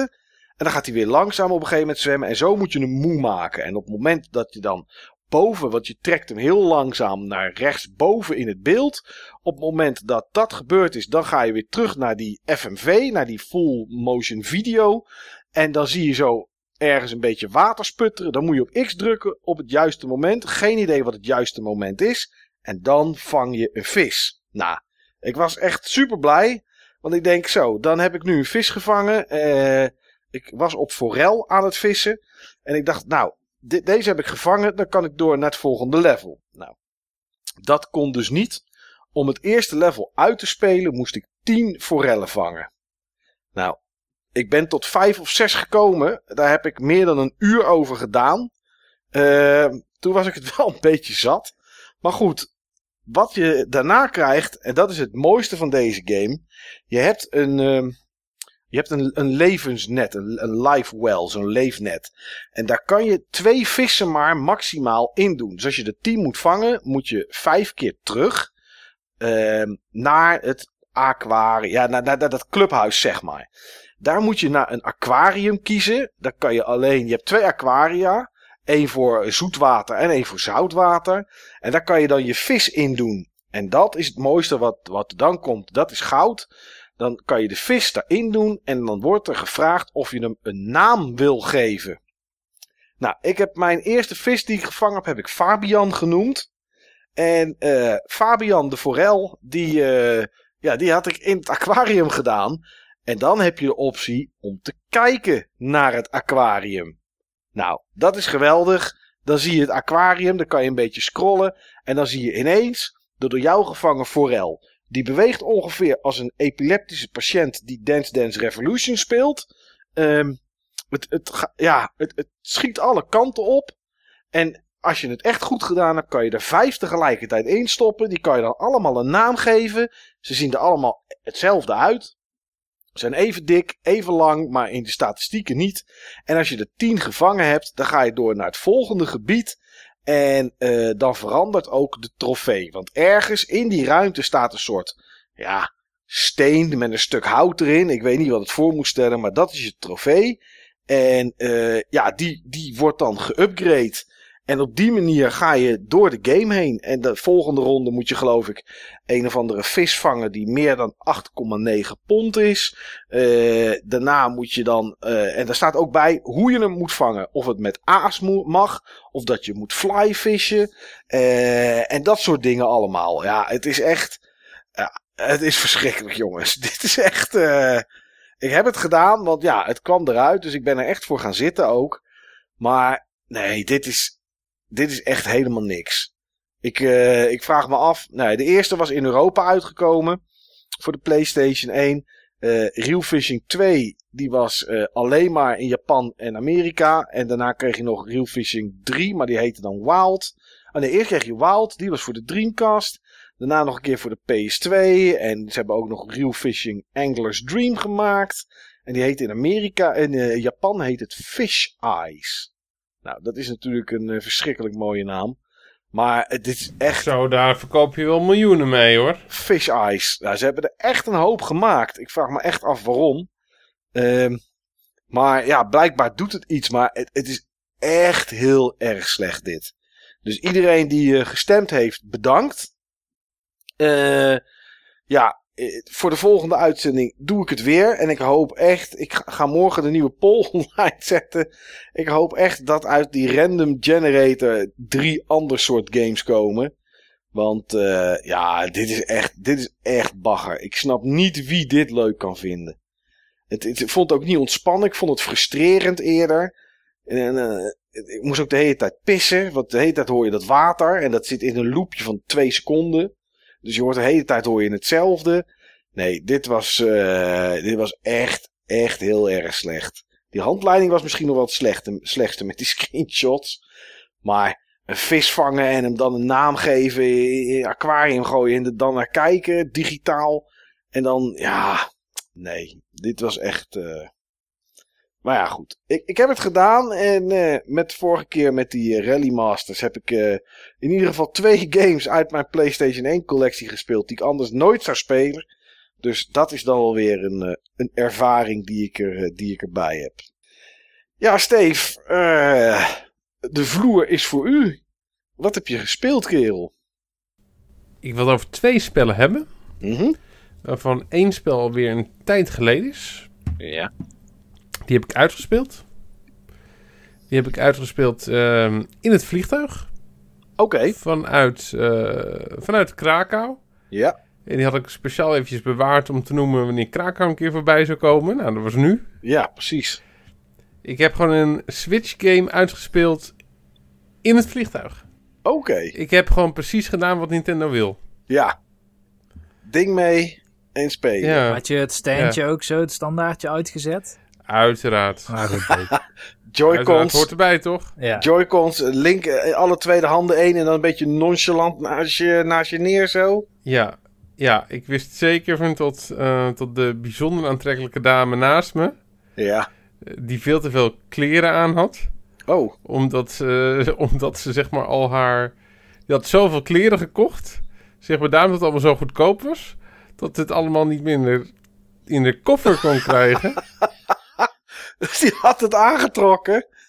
Ja, Die had gewoon drie truien over elkaar. bij wijze van. Ja, het was ja, echt ja. heel komisch. Mooi man. Echt heel komisch. Dus maar, eh, nee, ik had, ik had gewoon mijn, eh, mijn gewoon vast. Ja. Eh, nee, dat was, was Mario Odyssey. Oh, dat is nice. Ja, ja ik had het laatste stuk had ik nog een hele tijd openstaan om uit te spelen. Het was toch net even wat meer dan ik dacht. Zeg maar dat, dat, dat stuk met, ik noem het even die samurai-wereld. Ja. En eh, wat daarna nog eh, volgt allemaal. Ah, maar het eind was echt tof. Ja, hè, dat is goed, hè? Ja, dat eind was echt tof. Ja. Daar wil ik niet eh, te veel over spoilen.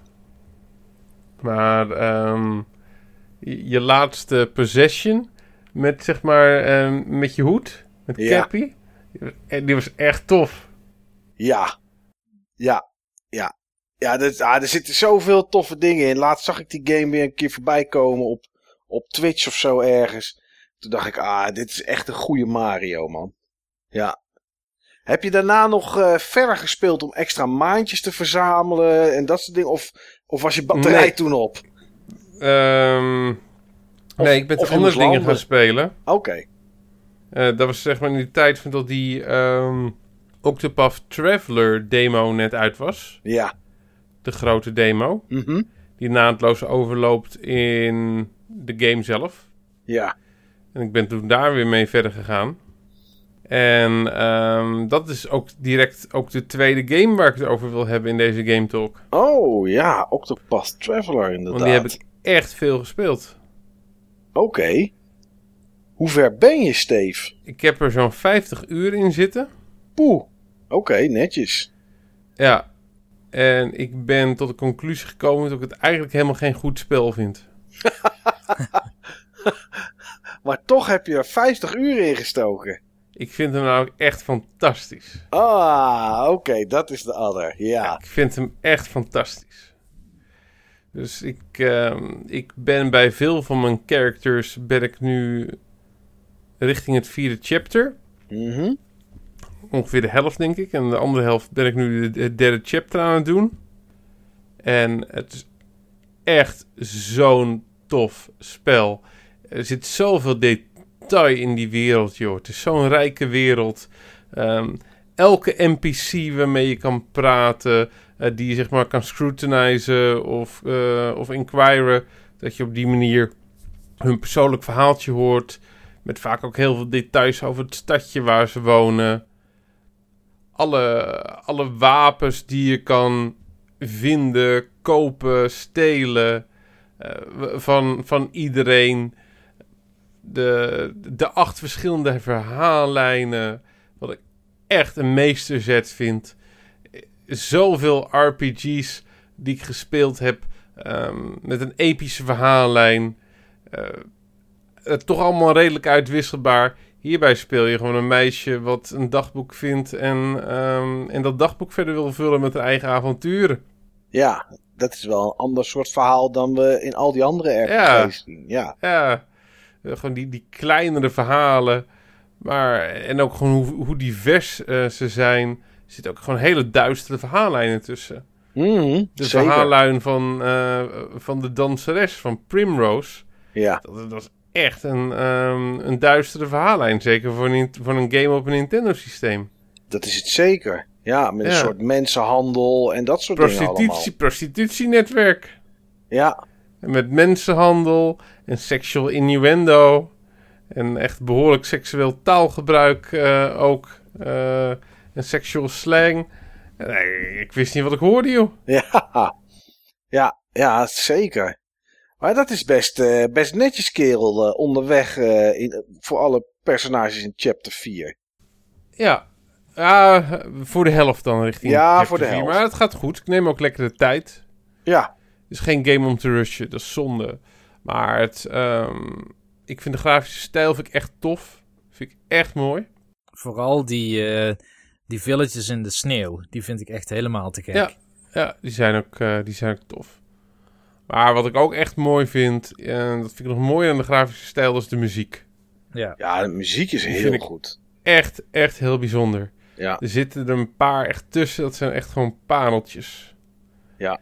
En ehm, ik- er is één track voor mij, ehm, die belichaamt gewoon alles. Wat, hoe dat, die belicht voor mij echt perfect hoe dat spel voelt. En welke is dat? Ja, het dat is geen muziek in games, zijn maar ik ben benieuwd. Dat zijn de tracks van Elfin. Ja, ik weet welke. De, de apotheker. De apotheker. Oh, ja, ja, ja, ja. Ja. Die zijn zo mooi inderdaad. Ja, die zijn zo goed, joh. Dat is, eh, met, eh, met, die, met die saxofoon erin. Ehm, het heeft gewoon iets... eh, enerzijds heeft het heeft iets droevigs, anderzijds heeft het iets hoopvols. Er zit een bepaalde balans in, een bepaalde rustiek. Ik vind het echt, echt heel mooi.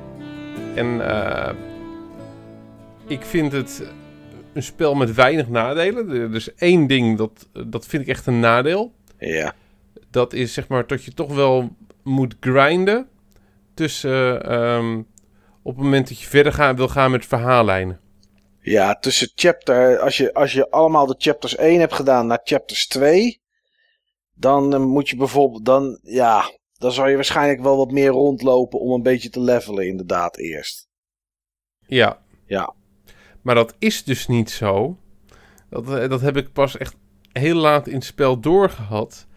Er is gewoon echt heel veel content ehm, die je gewoon kan doen om, zeg maar, op, dat juiste, eh, om op dat juiste niveau te komen zonder rond te lopen. Je hebt al die sidequests. Je hebt echt veel sidequests. Je hebt optionele, ehm, optionele caves en dungeons.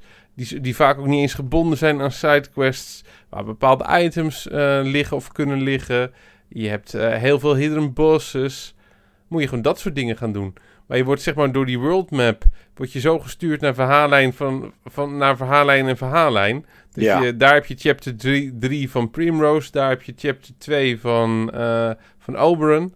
Eh, dan ben je geneigd om je daarop te focussen. En dan zie je zeg maar die, eh, dat recommended level staan... En dan wil je daar gewoon zo snel mogelijk naartoe werken. Maar door gewoon zeg maar echt de game te gaan exploren, kom je er vanzelf. Er is zoveel content om te exploren dat je eigenlijk helemaal niet hoeft te grinden. Oké. En dat, dat heb ik pas gemerkt toen ik gaan ben exploren. Ja. Hmm. Hoe ver ben jij eigenlijk, Niels, met die game?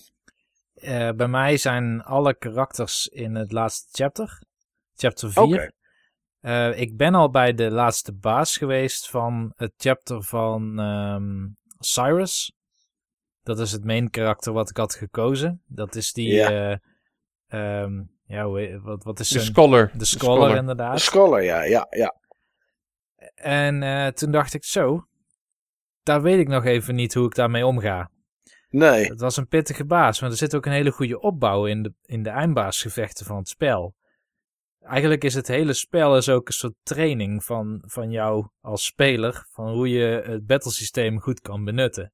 Het begint eigenlijk vrij simpel, van zoek de weakness en eh, zorg dat je veel damage doet.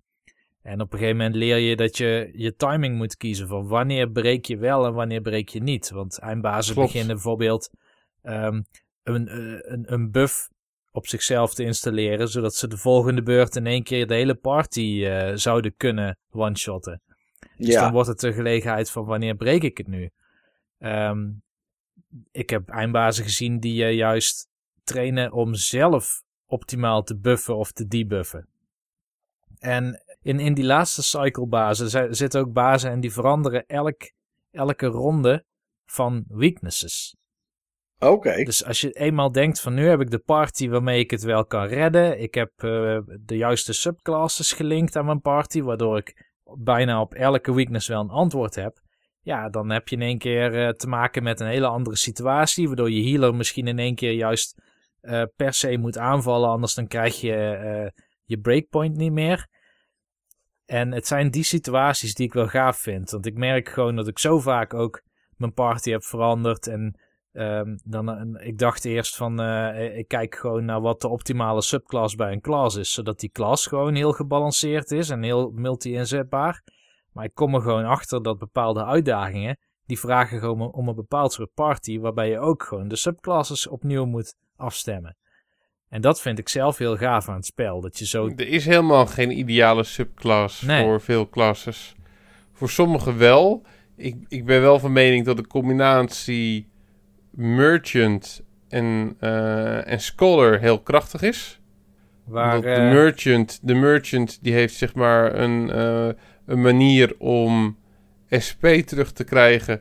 Die heeft een elemental attack wat hij toevoegt aan de scholar die de scholar niet zelf heeft. Ja. Waardoor de scholar in principe echt, echt heel veel elemental attacks heeft. En hij heeft een, zeg maar, zo, zo'n passive die kan, eh, kan un- unlocken, een skill, waardoor je, je magic, je, je SP, dat het gehalveerd wordt als je het gebruikt. Dus ja, dat, dat, dat heeft wel heel veel synergie met, ehm, met, met, zeg maar een skill die helemaal gebaseerd is op magic use. En via magic veel, eh, veel, veel damage doen. Maar eigenlijk alle andere combinaties, ja, je kan zoveel kant op. Ja. Ja, ik vind het tof dat jullie daar, eh, nou, dat, dat jij er ook zo goed mee vermaakt, eh Steve. Dat is wel cool. Ja. Ik heb nog eh, één vraag aan jou, eh, Niels. mhm. Heb jij ook al, zeg maar, inmiddels die, eh, die geheime eh, classes, of één daarvan? Nee, nog steeds niet. Ik heb er wel naar gezocht. Eh, maar ehm, ik denk dat vooral in de gebieden waar ik nog niet ben geweest, omdat daar dan de chapter 4 zitten van de karakters die qua level nog het meest achterlopen. Dan denk ik bijvoorbeeld een Olberic, die loopt bij mij nog achter. Dat, dat daar dan zo'n class te halen is. Ik kijk wel op de minimap, die heb ik inmiddels weer aangezet. Ik speelde origineel altijd zonder minimap, want dan vond ik het immersiever. Maar dan mis je dus al die cues naar waar... Dan mis je dit soort dingen. Ja, precies. Dan mis je dit soort dingen. Via die minimap zie je het snel hoor. Je bent, je bent in sommige gebieden ben je wel geweest, dat moet haast bijna. Ja, dat moet ook wel, want ik heb wel de hele map nu unlocked. Die is echt super groot, hè? Ja, die is De groot. beginmap van het spel, eh, waar de demo zich in afspeelt. En zeg maar die eerste ring, nee, laten we zeggen de eerste twee ringen, zijn bij elkaar nog geen kwart. Oké, Klopt. dat is wel groot. Ja, ik, ik heb het natuurlijk ook gespeeld, maar ik heb er maar 18 uur in zitten. En ik heb alle, le- alle chapters 1 heb ik gespeeld. En ik ben nu in chapter 2 van Primrose, denk ik, dat ik aan begonnen was. Mhm. Maar ja, ah, ik zit nu ook met Dragon Quest 11. En daar heb ik nu niks over verteld deze keer. En dat komt de volgende keer wel. Ja, die story is ook 70 uur. Ja. Ja, dat zijn keuzes. Ja, en dan weet ik wel waar ik op dit moment voor kies, zeg maar. En dat is dan toch Dragon Quest 11. Dus, eh, maar ja, goed, daar ga ik het nu niet over hebben. Maar ik, ik wil dit ook nog wel weer eens een keer verder gaan spelen. Want het is wel een goede game. Dat is Zeker. zeker. Ja, Zeker. En dat sluit ook heel goed aan bij het laatste wat ik erover wil zeggen. Ik ben voor mezelf tot de conclusie gekomen. Ehm, het is natuurlijk een game die zo gemaakt is dat hij eigenlijk heel erg blendt met eh, wat vroeger een 16-bit RPG eh, was. Maar dat hij dat blendt met, eh, met moderne features. ja. Als je alle moderne features eruit zou slopen. En deze, deze game met zijn battlesysteem en, en zijn wereld ehm, op de Super Nintendo had uitgegeven. Mhm. Maar dan wel gewoon echt goed. Met, eh, met, met, met, zeg, met echt gewoon zeg maar goede muziek uit de Super Nintendo. Van al die composities. Maar dan ze- zeg maar gewoon helemaal geoptimaliseerd op, op dat apparaat. Dan was dit waarschijnlijk mijn favoriete game ooit geweest. Als ik deze game gespeeld had in die tijd. Ja. eh, had deze game beantwoord naar, aan alles waar ik naar op zoek was Ja, dan, dat was snap dit, ik wel. dan was dit mijn droomgame geweest.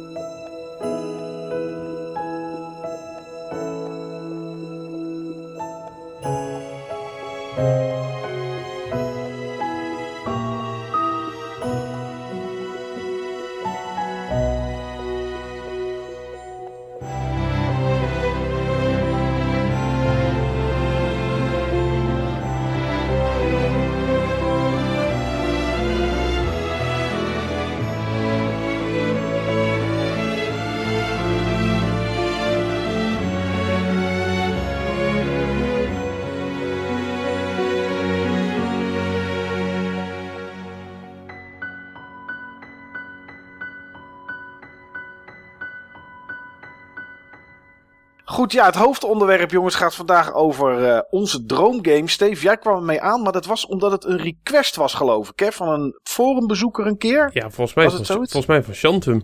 Oh, van Shantum zelfs. Oké, we hebben zelfs een naam. We hebben zelfs een dader. Dacht, dacht ik geval. hoor. Oké, nou, Of en dan schuiven we het hem gewoon in schoenen. Dat kan ook. Ja. ja, dat zou ook kunnen. Nou ja, bij deze, Shantum heeft het eh, ooit eh, gevraagd of bedacht. En eh, nou ja, we hebben er allemaal over nagedacht wat voor ons een droomgame zou zijn natuurlijk. Maar goed, waar ik eigenlijk wel stiekem benieuwd naar was, en daar hebben we het eigenlijk nooit echt over gehad, ondanks dat we al vijf jaar lang over games praten. Steve, wat is eigenlijk jouw favoriete genre? Mijn favoriete genre. Ja, Vroeger had ik ehm, action adventures gezet, gezegd. ja dingen als eh, Uncharted of zo. eh, Zelda. even- Ja, ook prima. Zelda en eh, ja, in de, in de NES-tijd dingen zoals, zoals Simon's Quest en Xanadu. Ja. Ehm, ja, dat, dat was toen voor mij echt het summum. En op de SNES was ik er altijd naar op zoek. En dat, dat type game. Mhm. Ehm, ja, tegen, tegenwoordig zou ik zeggen. ehm, ja, g- games die een combinatie van facetten met elkaar combineren. op een manier die mij boeit. Ja. Oké. Moeilijk in een genre dus uit te drukken. Ja, Ja, Ja, niet we- echt een vast iets. het, het zal vaak wel iets adventures hebben. Maar ehm, dat, hoeft niet per se. Ik heb daar wel over nagedacht, maar daar kom ik eh, later nog op. Oké. Niels, wat is jouw favoriete genre? ja, daar ben ik in de tussentijd over nawezen denken. Ja, ja, dat is mooi, hè? En dat verandert best wel regelmatig, heb ik het idee. Ja. Tenminste, ik kan periodes aanwijzen in mijn leven dat het bijvoorbeeld point-and-click adventures was. En sim-games vond ik ooit fantastisch. Niet The Sims bijvoorbeeld, maar eh SimCity, SimFarm, Theme Hospital, Theme Park, dat soort games. Ja, adventures periode heb ik ook gehad. Het is RTS heel lang geweest. Misschien dat ik dat stiekem nog wel qua genre het leukst vind, maar er is gewoon geen ontwikkeling meer in de laatste tijd. Nee. Ja, de, genres verwateren ook zo de laatste tijd. Ja, nee, dat, maakt was het iets wel wat, moeilijk. Wat ik me ook afvroeg. Dat wat je nu zegt, weet ik dat het bij jou is. eh, weet je, ik was ook benieuwd of jullie van die periodieke genres hebben, zeg maar. En ik weet dat jij dat hebt. Want je zegt altijd, als het winter is of als het december is Ja, en het is koud buiten, dan pak ik altijd weer Starcraft. StarCraft, ja. Ja, Ja, klopt. En Fire speel ik ook al een enorm lange periode. Maar ik zou Ja. niet zeggen dat het per se mijn favoriete genre is. Het is gewoon een, een hele mooie IP, vind ik zelf, die dat genre gestalte geeft. Maar ik speel niet alle games die turn-based strategy zijn. nee. Is er een genre waar je een hekel aan hebt dan? Om het om te draaien? Is er een genre dat je, dat je echt niet trekt? Eh, ik denk dat ik visual novels het minst trek. Oké, maar je speelt ze wel, net zoals Steins Gate en zo. Ja, maar die trok ik dus ook niet zo heel erg goed. nee, maar je speelt het wel. ik speel sommige wel, maar die hebben wat mij betreft ook een verwantschap met point-and-click adventures.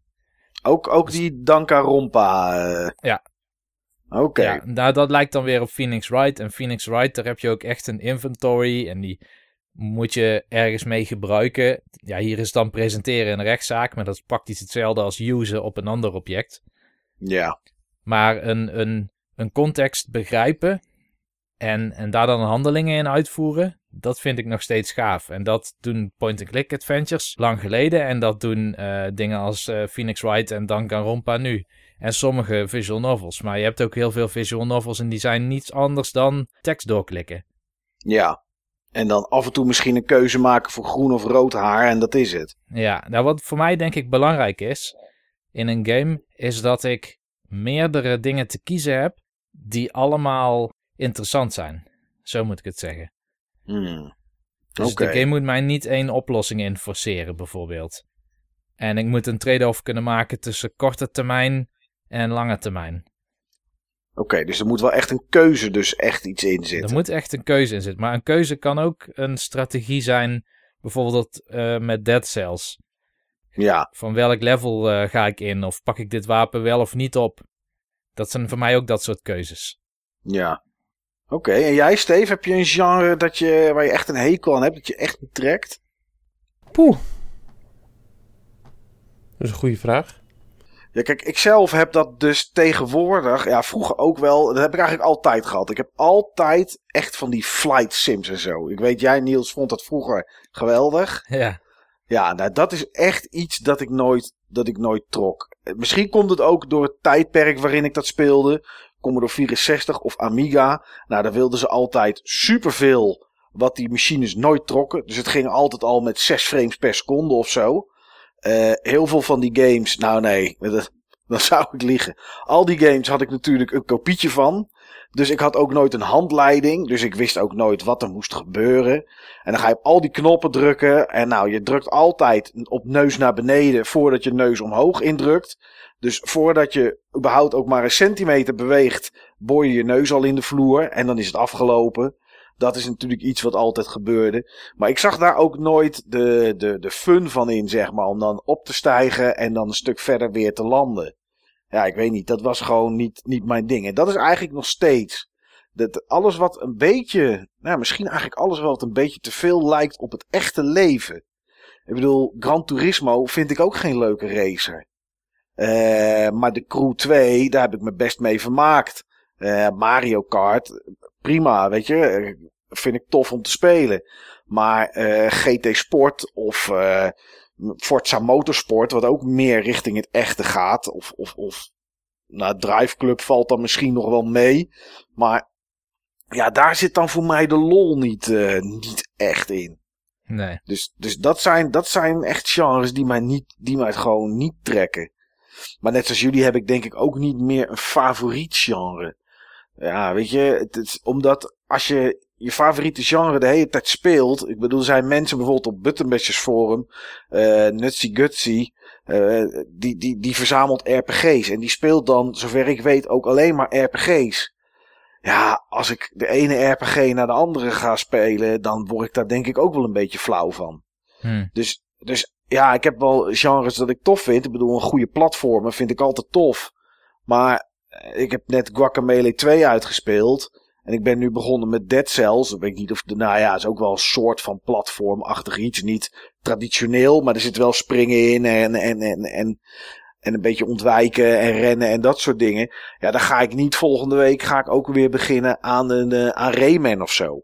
En daarna door met Super Mario Odyssey. Want dan ben ik er ook snel flauw van. Ja, ik Dat het. is, eh, ja, dus het, het is wel afwisselen. Maar ik heb, ja, zoiets als straks denk ik Red Dead Redemption of zo. Ik weet niet, dat is ook action-adventure. Maar dan wel eh, even iets anders verpakt dan een Uncharted, om maar even wat te noemen. Of eh, de nieuwe Tomb Raider. Dus ja, dan, weet je, dat, dat zijn wel dingen daar waar ik me wel in kan verliezen. Dus dat is misschien wel dan een soort genre wat me wel erg trekt. Heb je inmiddels iets bedacht, eh, Steve, dat je denkt, nou, dat vind ik toch wel verschrikkelijk, zeg. Ja. Ook inderdaad van die, van die Sims ben ik ook geen fan van. Nee. Van die Ehm. Sims? Wat bedoel je daarmee? Ja, die- dat je in een tank zit en dat je moet proberen een huis op te blazen en dat je daar 30 knoppen voor in Als het allemaal zeg maar, wat overrealistisch wordt. Ja. En overcomplex. Maar waar ik ook geen fan van ben, dat, ehm, ja, dat, dat zijn echte button bashers. Ehm, echt volledige eh, van die, van die sportgames eh, of die partygames. Dat je alleen maar gewoon dom op knoppen moet rammen. Oh nee joh, heerlijk. Ik weet dat jij dat fantastisch vindt, eh, Niels. Barcelona Maar- 92. Maar hiervoor is, hiervoor is de NES Advantage uitgevonden. Nou ja, ik moet zeggen dat ik zo'n game van tijd... Ja, de tijd dat ik dat soort games speelde, zoals Decathlon... Dat was op de Commodore 64. En dat was dus geen buttonbashje. Maar dan moest je de joystick gewoon van links naar rechts... Ja, wiggelen. daar sneuvelen ze op hoor. Nou, niet de arcade joystick. Nee, dat die is niet. nee, die, eh, die, is natuurlijk, die is natuurlijk van binnen van goud of zo. Ik weet niet waar het van is. Of, maar dat ding, eh, dat ding is in principe niet kapot te krijgen. Maar ik heb dat een tijdje terug nog eens een keer gedaan. Met een kameraad van mij die vroeger ook een Commodore 64 had. En toen zaten we hier zo en had ik twee joysticks aan de mist aangesloten. Ah, dat is eigenlijk geen gameplay meer. Het, ik weet ook niet, je pakt die joystick en je gaat naar, van links naar rechts, van links en steeds sneller, jongen. En, eh, tik, tik, tik, tik. En dan moet je, omdat die hele joystick heen en weer gaat, moet je hem op de tafel duwen. Want anders dan, ja, dan, dan zit er veel te veel beweging in, in die joystick. En dan gaat die tafel gaat helemaal, gaat helemaal heen en weer en, en maakt een kabaal. En weet ik wat allemaal. Eh, mijn ouders kwamen vroeger wel kijken hè, wat ik aan het doen was eh, in mijn kamertje, zeg maar. eh, als ik dat soort dingen zat te spelen. Dat was, dat was, niet, dat was niet normaal. Dat, nee, dat is eigenlijk is dat geen gameplay. Ik heb een idee. Barcelona 92, alle onderdelen van de zomerspelen voor Button Bashers 2019. Voor de Buttonbashersdag, ja. ja.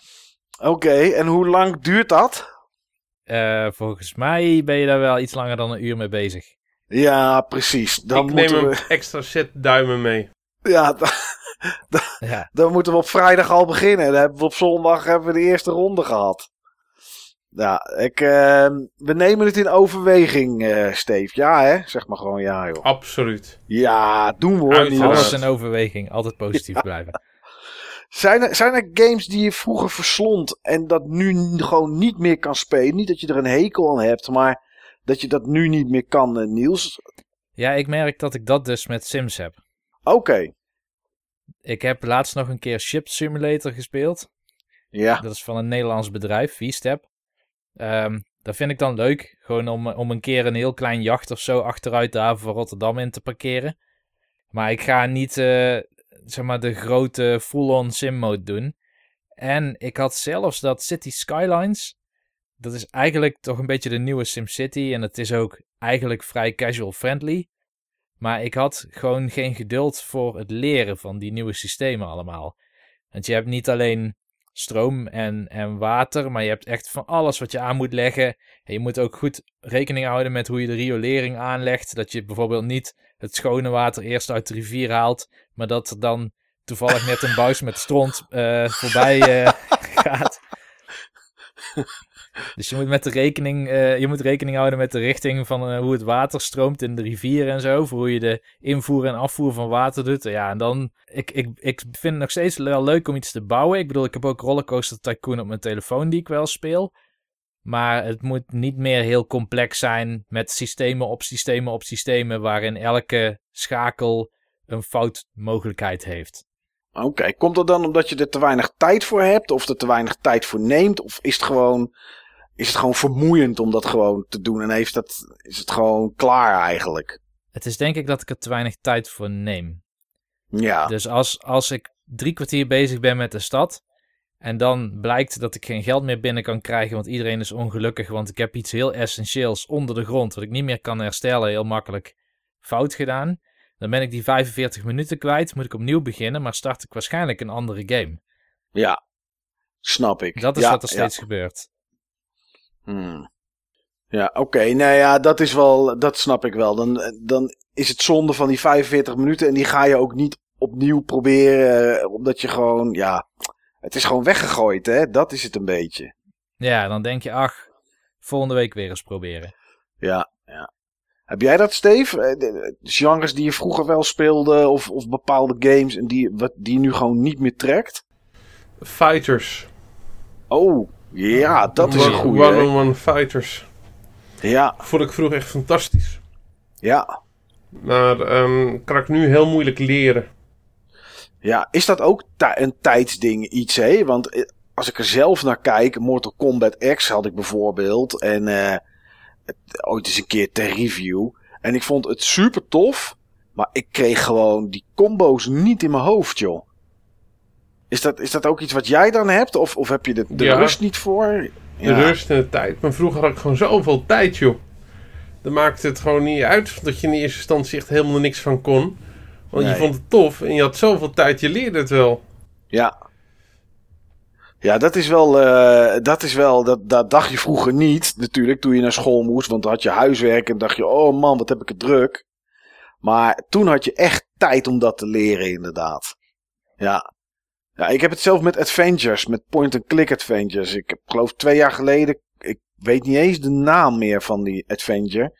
Dat is al slecht. Broken Maar Age? kwam- Nee. Niet Broken Age. Siberia? Nee, ook niet. Want die heb ik dan dit jaar nog gespeeld. Siberia 3. Was Oh, volgens ja. mij dit jaar. Nee, het was vorig jaar. Volgens mij eind vorig jaar. En het was een game die overal in de top 10 van beste games een beetje naar voren kwam. Het was een eh, point-and-click adventure met iets met nuclear waste of zo. Ik weet het niet hoe, het, eh, hoe die game heette. Maar ik wilde dat gewoon eventjes spelen om te kijken wat er nou zo goed aan was. En ik denk dat die mindset al verkeerd was. De point-and-click Hmm. adventure ga je natuurlijk niet even spelen. Maar ik, ik, ik merkte gewoon dat het me gewoon allemaal te langzaam, te langzaam ging. Het duurde me allemaal veel te lang. Ja. Eh, gesprekken die nergens over, over, over gaan. Eh, nou ja, goed. Weet je, ik luister ook Praatje Podcast. Dus wat dat betreft zou ik dat moeten trekken. nee, grapje jongens. Maar eh, gesprekken die dan, die dan nergens over gaan. ehm, ja, vroeger dacht ik van oké, ik ga het lezen. Oh, grappig. weet ik. En nu denk ik van ja, weet je. Hier heb ik geen tijd voor jongens voor deze onzin. Dus dat is, eh, ja, ik weet niet. Misschien dat het nog eens een keer komt. Dat ik, ik heb toen wel. ehm, eh, oh, ik zit zo slecht met mijn naam. Hoe heet die eh, point-and-click adventure die nu uit is voor de Switch net, Niels? Jij bent hem ook aan het spelen. Thimbleweed Park. Precies, die. Ja. Die heb ik dan wel een stukje gespeeld. Maar dan heb ik ook weinig rust in mijn lijf om ehm, te gaan zoeken naar de oplossing van een puzzel. Als het me niet binnen 4, 5 klikken lukt. Ik had dat ook bij Thimbleweed Park. Ja? Ja. Hetzelfde? Ja. Ja. precies hetzelfde. Gek is dat eigenlijk, hè? Apart. Ik vond het zo'n Vroeger- leuk spel. Vroeger vond ik dat fantastisch. Ja, ik ook. Ik bedoel, ik weet nog die puzzel in, eh, Super, in Monkey Island 2 was het volgens mij. Dat je moest verspugen en dat je dat precies moest doen op het moment dat de wind kwam. En, eh, en dat soort dingen. Nou, daar heb ik echt drie, vier dagen op gezeten. Kijk, het, het was ook zo. Je had natuurlijk geen oplossingen die je ergens kon vinden. Eh, je, kon het, eh, je moest het aan een vriendje vragen op school. Of die er misschien al was op dat punt. Of je had ergens een keer iemand die een strategy guide gekopieerd had uit de bibliotheek. Als die daar al lag. Of die dat ergens via een BBS een ingescande versie had. Of wat dan ook. Maar ik kon daar gewoon dagen kon ik daar gewoon op zitten op zo'n puzzel. En dat kan ik nu niet meer, joh. Dat trek ik, eh, dat trek ik echt niet. Maar wel apart, Steve, dat je dat dus ook had bij uh, Thimbleweed Park. Ja. Terwijl ik echt wel zie dat het een goed spel is, maar ja, ik, ik hou er niet van om continu vast te zitten, echt volledig vast. Dat je Ja. echt geen, geen clue hebt, dat je het gewoon echt niet kan bedenken. En als je op internet gaat, gaat zoeken, zodra, zodra je eraan begint, dan breek je in mijn optiek gewoon het spel met dit soort, eh, met dit soort games. En wat ik dan heb, dan is voor mij ook het einde zoek. Want de eerstvolgende keer Ja. dat ik twee keer iets probeer en het lukt niet. Ja, daarom. Eh, daarom Ja. breek je het spel. Dan, eh, Ja. dan is er een soort precedent geschapen en dan bam, bam, bam, dan blijf je het doen. Ja, ja, heel gek is dat. Hm. Nou ja, dan weten we in ieder geval, Niels, wat er wel waarschijnlijk en wat er niet in jouw droomgame zit. Ja, Vertel het maar, wat zou voor jou dan een droomgame zijn? Toch heb ik een droomgame dat een sim is. Oh, maar ja, wat is die, wat voor sim is het dan? Dat, dat, ja, goed, eh, vertel het ons. En die sim die is een keer ontstaan toen ik op skivakantie was met familie. Dus dat is echt nog heel lang geleden. Die is er al, hè? Ski or die is dat. Ja, ja maar dit is echt een, een soort ski resort tycoon. Oké. Ehm, want ik zat in, in eh, zo'n stoeltjeslift. En ik heb altijd bewondering voor hoe een skigebied is aangelegd. Dus ik heb ook favorieten. Ik ging vroeger altijd heel veel naar Oostenrijk. Daar heb ik best wel veel skigebieden ook bezocht. Maar ik heb altijd favoriete skigebieden gehad. En dat was altijd vanwege de pistes en vanwege hoe de liften waren aangelegd en de sfeer met de restaurantjes. En ik dacht, waarom is hier nu niet een, een sim voor, een tycoon? Waarin Ja. je begint met een lege berg of een gebergte in de Alpen. En ehm, waar je begint met het aanleggen van eh, bijvoorbeeld een, eerst een kleine piste met een heel goedkope Hongaarse lift of zo. En op een gegeven moment dan kun je die upgraden, die lift. En dan leg je nog het extra pistes aan. En uiteindelijk krijg je dus een heel park waar je goed moet zorgen dat de logistiek van de skiers eh, goed verloopt. Dat het ook niet gevaarlijk wordt als mensen hard skiën en dat er dan bijvoorbeeld een pad kruist. Ehm, als het seizoen slecht is, dat je sneeuwkanonnen hebt. En ik had wel meer van dat soort dingen bedacht over waar je dan aan moest denken. Ook met restaurantjes, dat je eigenlijk eh, eh, dingen op de menukaart kon zetten. Bijvoorbeeld vette worst kon je dan neerzetten op de menukaart. Ja. Maar ook rijen plannen. ehm, Ver, verhuur natuurlijk van skis en verhuur kleding. van skis en toernooien organiseren voor snowboard, stunts en zo. Eh, ja, soms dan zijn de weersomstandigheden slecht en dan kan het zijn dat jij om veiligheidsredenen je park moet sluiten. Maar je kan ook om winstbejag zeg maar, dat niet doen met groot risico. Muziekrechten regelen voor optredens, dat leek me ook wel een leuke. Eh, even kijken, kl- ski-klasjes en tours Oh, tuurlijk. kunnen Ja. laten organiseren. En hotels in de omgeving. Oké. Maar dat alles onder druk van bijvoorbeeld milieuactivisten, hè, vanwege de CO2 Ja. en eh, misschien veranderende EU-regelgeving. Dus het leek me wel leuk om daar dan ook wel echt de andere kant zeg maar, van het plezier ook in te belichten. En dan kunnen ook stakingen eh, optreden of, of gedoe met vakbonden die je krijgt of lokale politiek. Dat- Lawines. lawines, inderdaad. Het toerismebeleid wat aan wordt gepast of zo in, in de stad. Oké. Dus het doel is eigenlijk winst maken zonder de klimaatdoelstellingen in de weg te zitten. En zou dat dan net zoals een eh, theme, eh, theme park en dat soort dingen zijn? Elke keer dat je een doel hebt en als je dat behaald hebt, kan je door naar een, naar een volgende level, naar je volgende doel. En het dan, dan, dan, of je kan zeggen van ik ga gewoon nog door om mijn huidige park uit te breiden. Echt ook op zo'n klassieke manier, zeg maar. Ja, wat mij leuk lijkt is om, ehm, en volgens mij doet City Skylines dat, maar dat weet ik niet zeker. Maar om jouw park aan te kunnen laten sluiten op een ander park. Maar dat kan best ook weer een park zijn van jou. Of ik Ja, een, eh, een precies. resort. Oké, ik, ik ga nu een hele stomme vraag stellen. Ja, Zou er nog een verhaal in die game zitten? niet nodig, denk ik. Niet nodig. Nee, nee, dat snap ik. Oké, dus dat zou. Maar dat is wel apart wat je zegt net. Ja, RTS, er zit natuurlijk. Ja, ik vind het wel leuk, maar er zit weinig vernieuwing in. Ja. Eh, nou, het is niet RTS, dit is natuurlijk gewoon een sim, bedoel ik. Ehm, maar dat, dit, dit zou jij willen. Dit zou jij spelen, zeg maar. Ik weet niet of ik het nu nog zou spelen. Ik wilde het graag maken in die tijd. Ja. Dit was een droomgame. Dit is niet mijn huidige droomgame. Oké, oh, je hebt nog iets anders dat je als droomgame zou kunnen bestempelen, of niet? ja, die is veel beter. Oké, nou dan eh, kom ik daar, eh, kom ik daar zo, zo bij terug. Oké. Ja, Steve, heb jij een droomgame? Ja, ik ga net als Niels beginnen met wat vroeger mijn droomgame zou zijn geweest. Ja. Ik had natuurlijk in deze uitzending had ik al Octopath Traveler ehm, genoemd. Ja. Ehm, dat was nou echt precies helemaal in mijn straatje in de 16-bit tijd. Maar ehm, ja, ik, ik heb volgens mij twee keer eerder in de podcastreeks heb ik een, mijn ideale game genoemd. Mijn, mijn, mijn droomgame. Eh, twee varianten.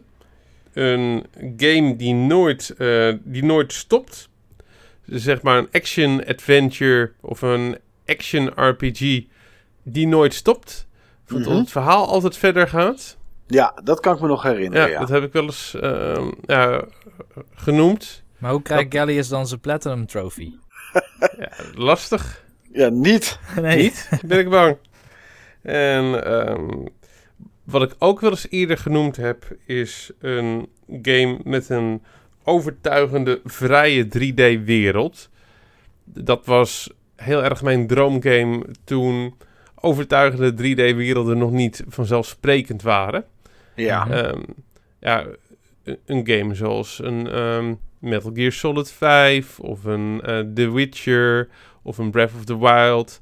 Ja, dat had je vroeger gewoon, ehm, dat, dat had je nog niet. Ehm, ik, ik, eh, toen ik in de polder liep, kon je gewoon vaak heel ver kijken. En toen dacht ik altijd, hoe gaaf zou het zijn als je zo ver kon kijken in een game. En het was allemaal in 3D.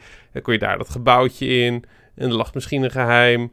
En dat je eh, als een soort van airborne ranger dan al missies moest, ehm, moest doen of een klus moest klaren. Maar dan in een 3D-gebied waar je boven gedropt werd. Dat, dat, dat soort dingen. Maar, maar dat is er. Ja. Dus dat is in ieder geval niet meer mijn, ehm, mijn eh, droomgame. Nee. Wat, wat wel mijn eh, droomgame is, daar kom ik net als Niels zo meteen op. Oké. Nou ja, ik heb niet een droomgame van, van vroeger. Tenminste, ik kan het me niet eh, herinneren. Ik, ik zou niet weten vroeger wat ik dacht van... als dit er zou zijn, dat zou echt eh, geweldig zijn. Wat dat betreft was ik misschien eh, wat fantasieloos. Dat zou natuurlijk kunnen. Maar goed, laat ik dan beginnen met wat op dit moment mijn droomgame zou zijn. En hoe dat er een beetje, hoe dat er een beetje uitziet.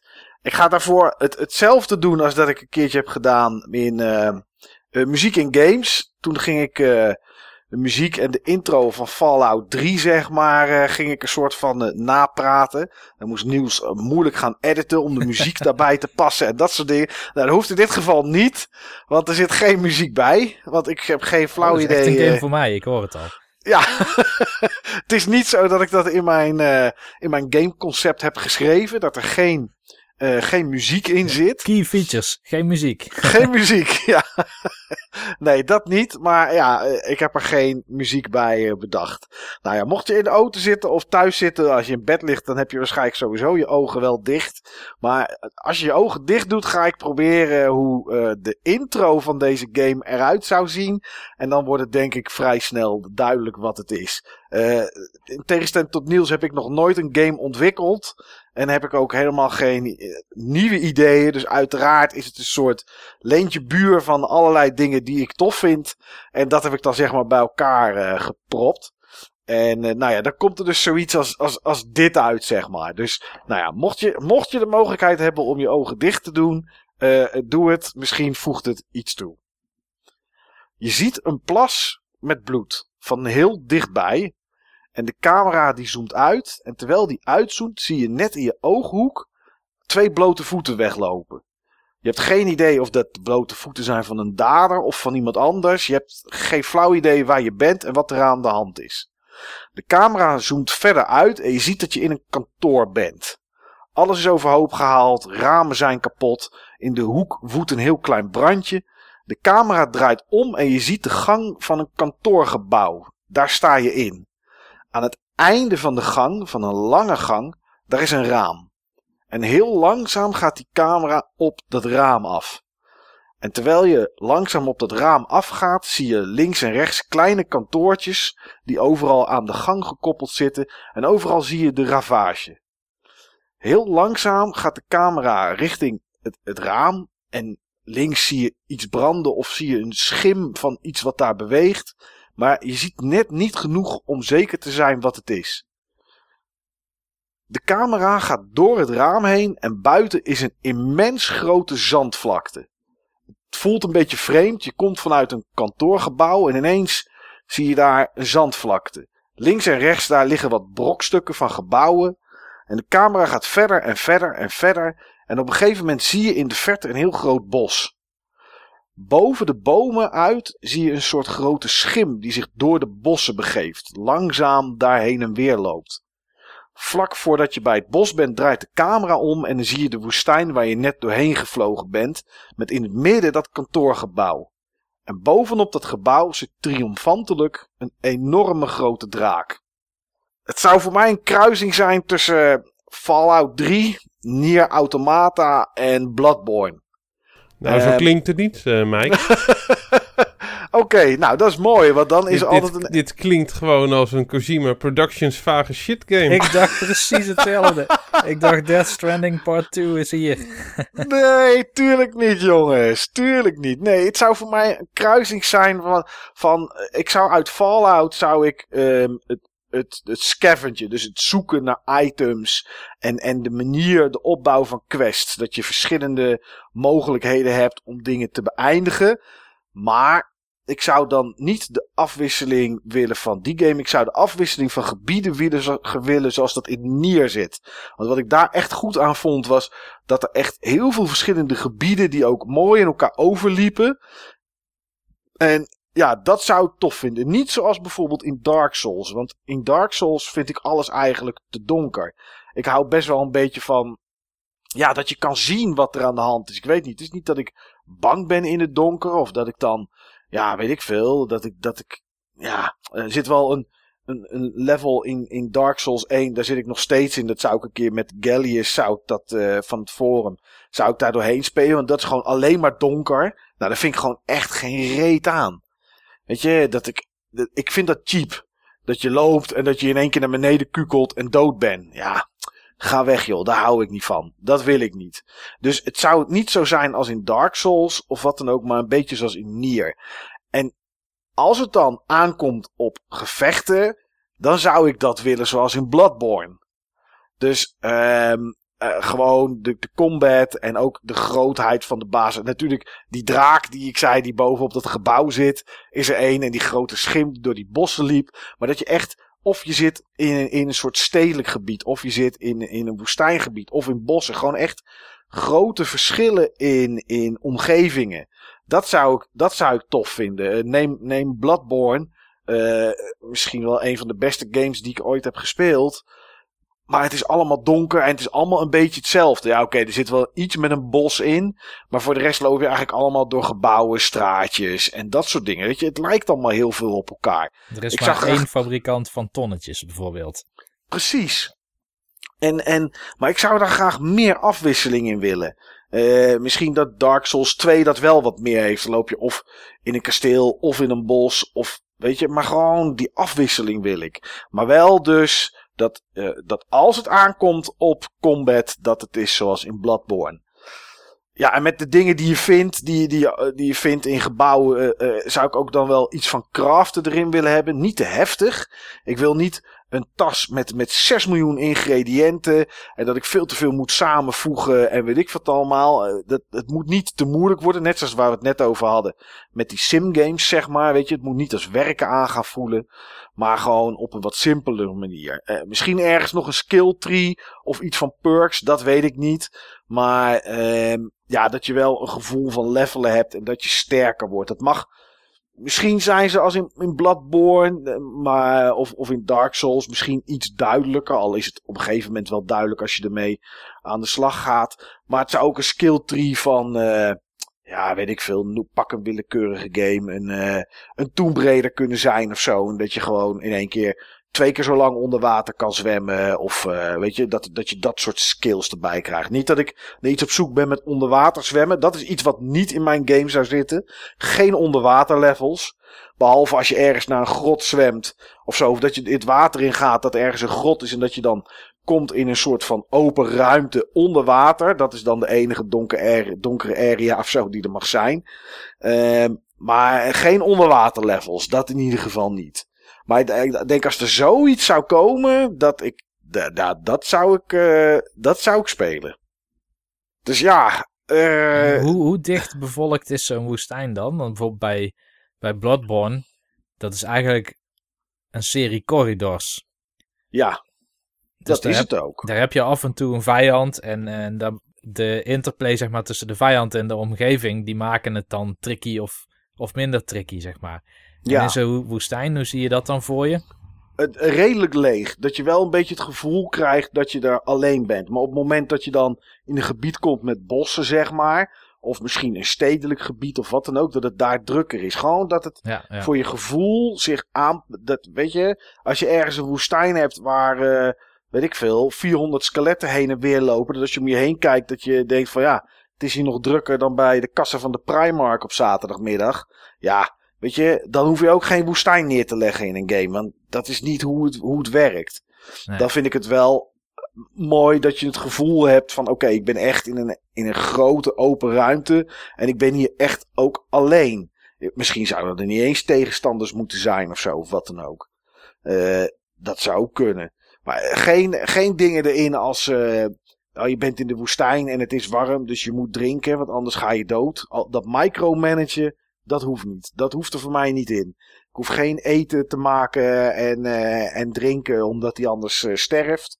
Eh, zeker ook niet de micromanagement wat in de game Scum zit. Die op dit moment redelijk populair aan het worden is, zeg maar. Dat, is, dat gaat me ook te ver. Ik weet niet of jullie daar iets van gezien hebben, maar dan moet je ook eten. En als je dan eh, mais eet die nog, die nog rauw is, weet ik wat allemaal, dan raak je aan de diarree. En dat zie je ook gebeuren in de game. En dan droog je uit als je niet genoeg drinkt. Nou, dat soort dingen allemaal niet. Het moet wel leuk blijven. En eh, dus, dus dat soort dingen niet. Maar ja, zo, eh, ja zoiets zou ik dan. eh, zou, ik- dat zou voor mij wel een droomgame zijn, denk ik. Ik weet niet of er veel collectibles in zitten. Misschien. Wel als op een, als op een map staan. Maar ik weet niet wat, dat, wat, ik, daar, eh, wat ik daarmee zou willen. Het is nou niet echt een, een droom om dat, eh, om dat erin te hebben. Maar gewoon dat je, ja, ja, zoiets, zeg maar. Dat dus. Ik denk wel dat het goed werkt met zo'n desert waar je dan bijna geen tegenstand of überhaupt geen tegenstand tegenkomt. En zo'n bos wat dan meteen een, een haunted omgeving maakt. Ja, Want bijvoorbeeld Journey had dat ook. Daar heb je in Ja. het begin de woestijn. En daar voel je je zo veilig en, en prettig. Hoewel je gewoon niet precies weet wat je daar aan het doen bent. Maar op een gegeven moment dan glij je zo naar beneden van die grotten in. ja, En daar zitten van die beesten die, die in de lucht zweven, zeg maar. En als ze jou zien, dan, dan vliegen ze op je af. Ja. Dus daar voel je je dan weer super onveilig. ja, gewoon dat, ja, die, die gebieden, zeg maar, dat moet, ja, ik weet niet, dat moet wel, dat moet wel meewerken aan wat je ziet en, en wat voor gevoel. In, in Nier heb je dat ook. Dan ga je op een gegeven moment, eh Nier Automata, ga je op een gegeven moment ook een, een woestijn in. Dan glij ook een soort van naar beneden. Dan zie je in de verte zie je wel gebouwen liggen. En dan ga je heel snel rennend, zoals dat eigenlijk in die game gaat, ga je door die woestijn heen. En daar zie je eigenlijk niet zoveel. Dan ben je aan het een beetje aan het springen. En, en, en dat soort dingen allemaal. Eh, Dat is gewoon, ja, ik weet niet. Dat, dat, dat vind ik gaaf. Dat geeft, dat geeft een bepaald gevoel dat je daar echt alleen bent, zeg maar. Dat vind ik wel, eh, ja, ik weet niet. Dat vind ik wel tof. Dus eh, als iemand dit even kan maken. Even op een Niels. avondje. Ja, Even Niels, een nachtje doorknallen. ja dan, eh, ja, dan zou ik dat wel tof vinden. Ik heb Dus Kojima al gebeld hoor, voor je. Oké, nou, dat, eh, die zal genoeg tijd hebben, denk ik. Met Death Stranding erbij. Dus, eh ja, dat. Ja. Nou, Niels, eh, dat van mij lijkt vast niet op dat van jou. Maar, Nee. eh, ja, hoe zou jouw droomgamer dan uitzien? En mijn droomgame zit ook in een soort genre wat ik niet meer speel. Maar Oh. ik zou het wel gaan spelen als deze er kwam. Deze game. Tuurlijk. Ehm, ik denk dat ik hieraan werkte, want ik heb ook een poging gedaan om het eh, tot leven te brengen. Samen met een paar klasgenoten in die tijd. We hadden een, een, clubje, ik denk dat het 2006 of 2007 was. Ik was dan eh, een- programmeur, ik had ook een eigen game engine en ik werkte dan voor het bedrijf wat toen Woodent heette, of Woodent Games heette dat toen. Eh, maar in mijn vrije tijd was ik nog steeds bezig ook met klasgenoten en goede vrienden, om interessante projecten proberen van de grond te krijgen. En eh, dan kwamen we bij mij thuis en ehm, er waren twee mensen om te tekenen, twee mensen om te programmeren en design, dat deden we allemaal samen. En in die tijd was ik heel erg getriggerd door ehm, Tower Defense. Dat was toen nieuw, dat genre. Oh ja. Volgens mij had je toen wel eh, dat in de Warcraft 3 editor, dat er Tower Defense maps begonnen te ontstaan. Ja. Maar er begonnen ook langzaamaan standalone Tower Defense, als desktop Tower Defense te komen. En ik denk dat wij waarschijnlijk wel iets hebben gezien van Gears of War, of niet. Dat weet ik niet helemaal zeker. Want het, het concept heeft wel iets van Gears of War ho- Horde Mode in zich. Uh, maar volgens mij was Gears of War toen nog niet uit. En Horde Mode was trouwens ook iets van Gears of War 2. Maar ik denk dat misschien die game mode op dezelfde manier is verzonnen als dat wij toen dit spel hebben verzonnen. Oké. Um, laten we het even noemen een, um, een tower defense spel. Waarin jij een unit bent die zelf first person rondloopt in de wereld. Om de torens te bouwen en te onderhouden. En eventueel ook mee te schieten op een swarm.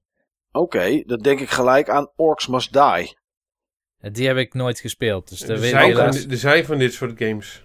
Ja, maar niet zo gaaf als deze, jongen. Nee, dat snap ik. Ja, dat, dat is ook ik. zo. Want nu, we kennen alle, nu... Details, we kennen alle details nog niet. Maar nee, nu, ko nu, komen de selling Ja, points. misschien bestaat het ook wel echt. Maar um, nee, wat, wat wij... Uh, we hadden eigenlijk een, een vrij kaal, uh, functioneel idee van hoe het zou werken.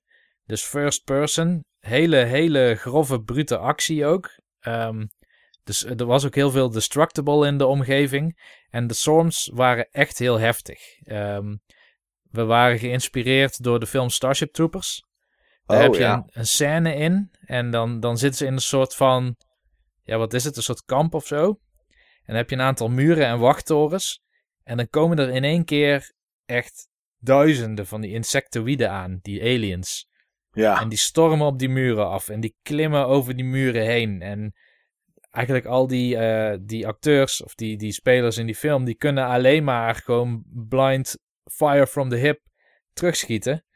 Omdat het gewoon overwhelming is. De Ja. aantallen vijanden die op je afkomen en die zelfs over elkaar heen klimmen en dergelijke.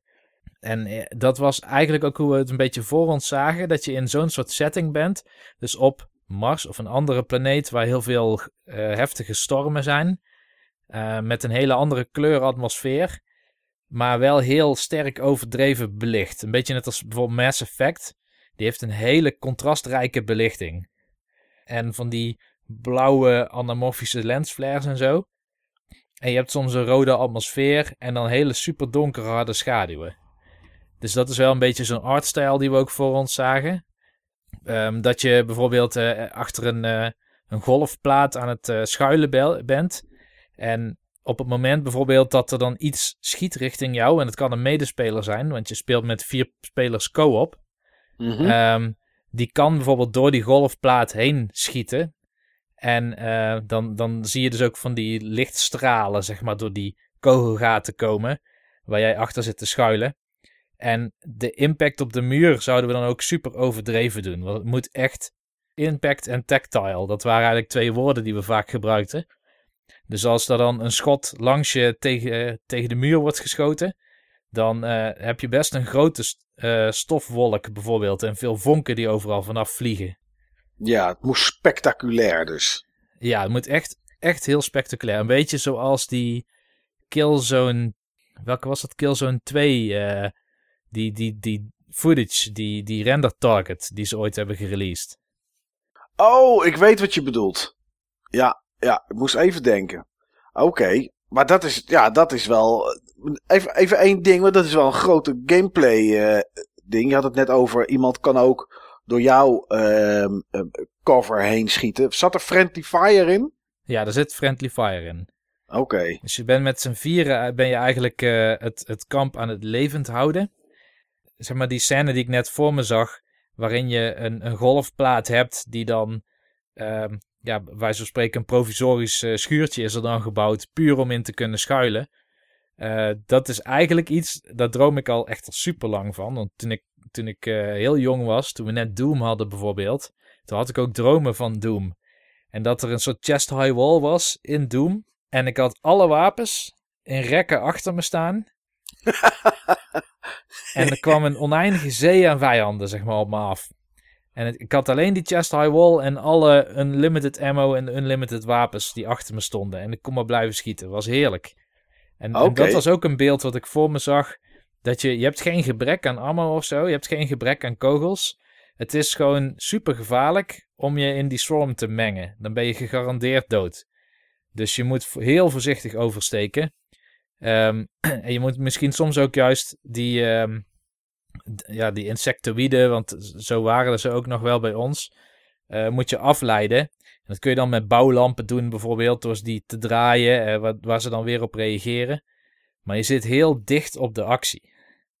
Oké, maar als je zegt dat van die unlimited wapens en Doom, eh, dan, dan krijg ik een soort, soort tower defense-achtige game gemengd met Serious Sam, krijg ik dan in één keer eh, voor, voor mijn neus. Want daar is ook vaak oneindig veel tegenstanders die op je afkomen rennen. Ja, Serious Sam, dat zou ik... Ja, ik, ik begrijp je vergelijking wel, ja. Maar ik denk dat, dat als ik naar beelden moet pakken, zeg maar, om jou ook een idee te geven van hoe wij het voor ogen hadden. Bijvoorbeeld ehm, Floris Didde, eh, die heeft eh, de concept art dan ook gemaakt. En hij Ja. is degene, volgens mij heb ik dat wel eens verteld, die nu voor HBO, eh, voor de Game of Thrones, de, de visual ehm, concept art allemaal maakt. Oké, En hij heeft ook voor eh, Killzone en Horizon Zero Dawn de concept art verzorgd, of in ieder geval deels van de karakters verzorgd. En Anno, eh, een deel van een aantal jaar geleden, hij, hij heeft heel, heel veel games meegewerkt, maar nu zit hij alleen nog maar aan Game of Thrones te werken tegenwoordig. Maar Binnenkort dat was... niet meer. Sorry? Binnenkort niet meer. Binnenkort niet meer. Oké, Nee. ik ben benieuwd wat hij dan gaat doen inderdaad. Nou ja, we krijgen volgens mij wel spin-off van Game of Thrones. Dus dan kan die daar weer, eh, kan die daar weer aan Hopelijk. gaan werken. Maar hij was dan eh, de, de, de concept artist. En we hadden dan een, een artist, gewoon puur om assets voor de game te maken. En de concept art voor de game, enerzijds was het een beetje Killzone-achtig. Dus het is, het is ook wel een beetje Hellgast Universe. Zo kun je het wel voorstellen. Je bent geen Mhm. Kwetsbare poppetjes, zeg maar. Je bent echt hele stevige, bijna van die Gears of War-achtige eh, dudes. Ja. Met ook hele, hele stevige panzers. Want je bent eenmaal op een planeet waar die ja, bijna zurkachtige wezens zeg maar super hard op je afrennen. En wanneer ik het heb over Swarm en, en hoe ze lopen, dan kun je je wel iets voorstellen met... ehm, ik weet even niet hoe die game heet van Studio Band, die volgend jaar uit moet gaan komen. Met die zombies. Oh, Days Gone? Days Gone, ja. Ja. Zo eh, zagen we het voor ons. Dat ze zo zouden bewegen. Alleen Oké. dan, in plaats van dat ze allemaal zeg maar, achter elkaar aanrennen, kan het ook zijn dat ze met 25 breed zeg maar, eh, door je kamp Ja, heen ja, ja. stormen. Echt, En dat echt ze- informatie. Ja, en dat jij probeert te schuilen en in de hoop dat ze je niet zien. Oké. Dus er zit heel veel stealth in, er zit hele brute actie in, er zit afleiding in. Eh, je moet proberen ze af te krijgen door de torens het werk vooral te laten doen. Maar voor de zelfverdediging, omdat je er dan misschien eentje uit kan schakelen, heb je ook hele lompe wapens. En zou je dan, net zoals bij een Tower Defense game, tussendoor, tussen de waves door rust hebben en dan weer bouwen en repareren en dat soort dingen, zeg maar? Ja, dat wel. Oké, ja, we, ja. we zien ons wel echt, of we zagen ons toen voor, dat je met vier spelers dat in een uur kan doen. Ja, oké. Een uur om te bouwen en zo'n weef te overleven, zeg maar. Eh, ja. Ja, meerdere ja. waves te overleven. Meerdere waves, ah, oké, ah, oké. Waarom is het er nooit van gekomen, Niels? Want jij bent er echt... Eh, kijk, dat van mij, dat wordt nooit gemaakt. Ja, misschien mhm. door Kojima, hoor ik net van jullie. Maar eh, waarom is dat ding van jou er nooit gekomen, die game? Ja, dat was net voor de tijd dat ehm, iets als Unity kwam. En Unreal was toen ook nog... Unreal 3 .0 of 2.5 was het zelfs. 3 was er niet uit, geloof ik. Unreal 3. Of net uit. Ik weet niet meer precies hoe het zat. Dus het moest allemaal afhangen van code die ik zelf samen met Arjan. Er was een, uh, een, een compaan van mij die, eh, die ook bij eh, W Games werkte. Maar wie ik ook in de demo scene zat al heel lang. Wij moesten zeg maar die hele engine gaan bouwen. En wij hadden wel tests gemaakt. Maar we kwamen er steeds achter wanneer de art werd gecreëerd. Dat het niet kon werken met een bepaalde situatie. Bijvoorbeeld, eh, iemand had dan een, een soort ja, een soort kamp gemaakt met een stuk of 80 huisjes. En die stonden tegen een berg aan, zeg maar. Dus dat je eigenlijk een, een, ja, een soort berglandschap hebt met allemaal kleine huisjes en steigers. En eh, het was heel gestapeld, een beetje Hanoi-achtige eh, sfeer en setting zou het dan hebben. En we kwamen erachter dat de framerate enorm inkakte. En Hmm. dus we waren constant bezig met dat soort dingen fixen. En ondertussen eh, ja, werd het bij mij ook drukker met werk en afstuderen kwam er tussendoor. En eh, Floris is toen ehm, zijn eigen bedrijf begonnen. Die kreeg meteen heel veel werk voor, eh voor Guerrilla Games. Ja, zodoende is dat er eigenlijk nooit meer van gekomen. Nee. Oké, nou ja, het klinkt wel als iets eh, dat als het nu nog uit zou komen, zou ik het in ieder geval wel proberen. Maar ik denk als het nu uitkomt dat het meer op iOS uit zou komen of op Android. dat, eh, no offense, maar daar is het natuurlijk met Tower Defense en dat soort dingen is dat natuurlijk wel een beetje... eh, Ja, maar je, ik, ik denk dat Tower Defense was de inspiratie om tot zoiets te komen. Maar ik denk ja, dat wat wij met Gears of War 4 speelden, dat komt Ja. veel dichter in de buurt. Het is eigenlijk een veel heftigere versie van zo'n Gears of War 4 Horde ehm, event. Ja, precies. Met dat neerzetten van die, eh, van, die, van die wapens en dan elke keer die waves overleven. Ja, dus als je zoiets zou hebben, maar dan met grote beesten die een keer of zes jouw grootte zijn. Ja, eh, en die dan ontzettend snel met, eh, met wat is het, 60, 70 kilometer per uur, zeg maar, door de map heen denderen. En dat met honderden tegelijk. Zoiets zou je je voor moeten stellen. ja precies. Oké. Nou ja, klinkt best, eh, best aantrekkelijk om, het, eh, om dat eens een keer een avondje te doen. eh, ja. Ja.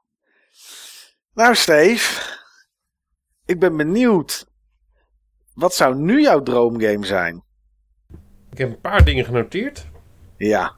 Ehm, wat me heel erg gaaf zou lijken, is een Destiny of Destiny-achtige game met een continue stroom aan, eh, aan nieuwe content.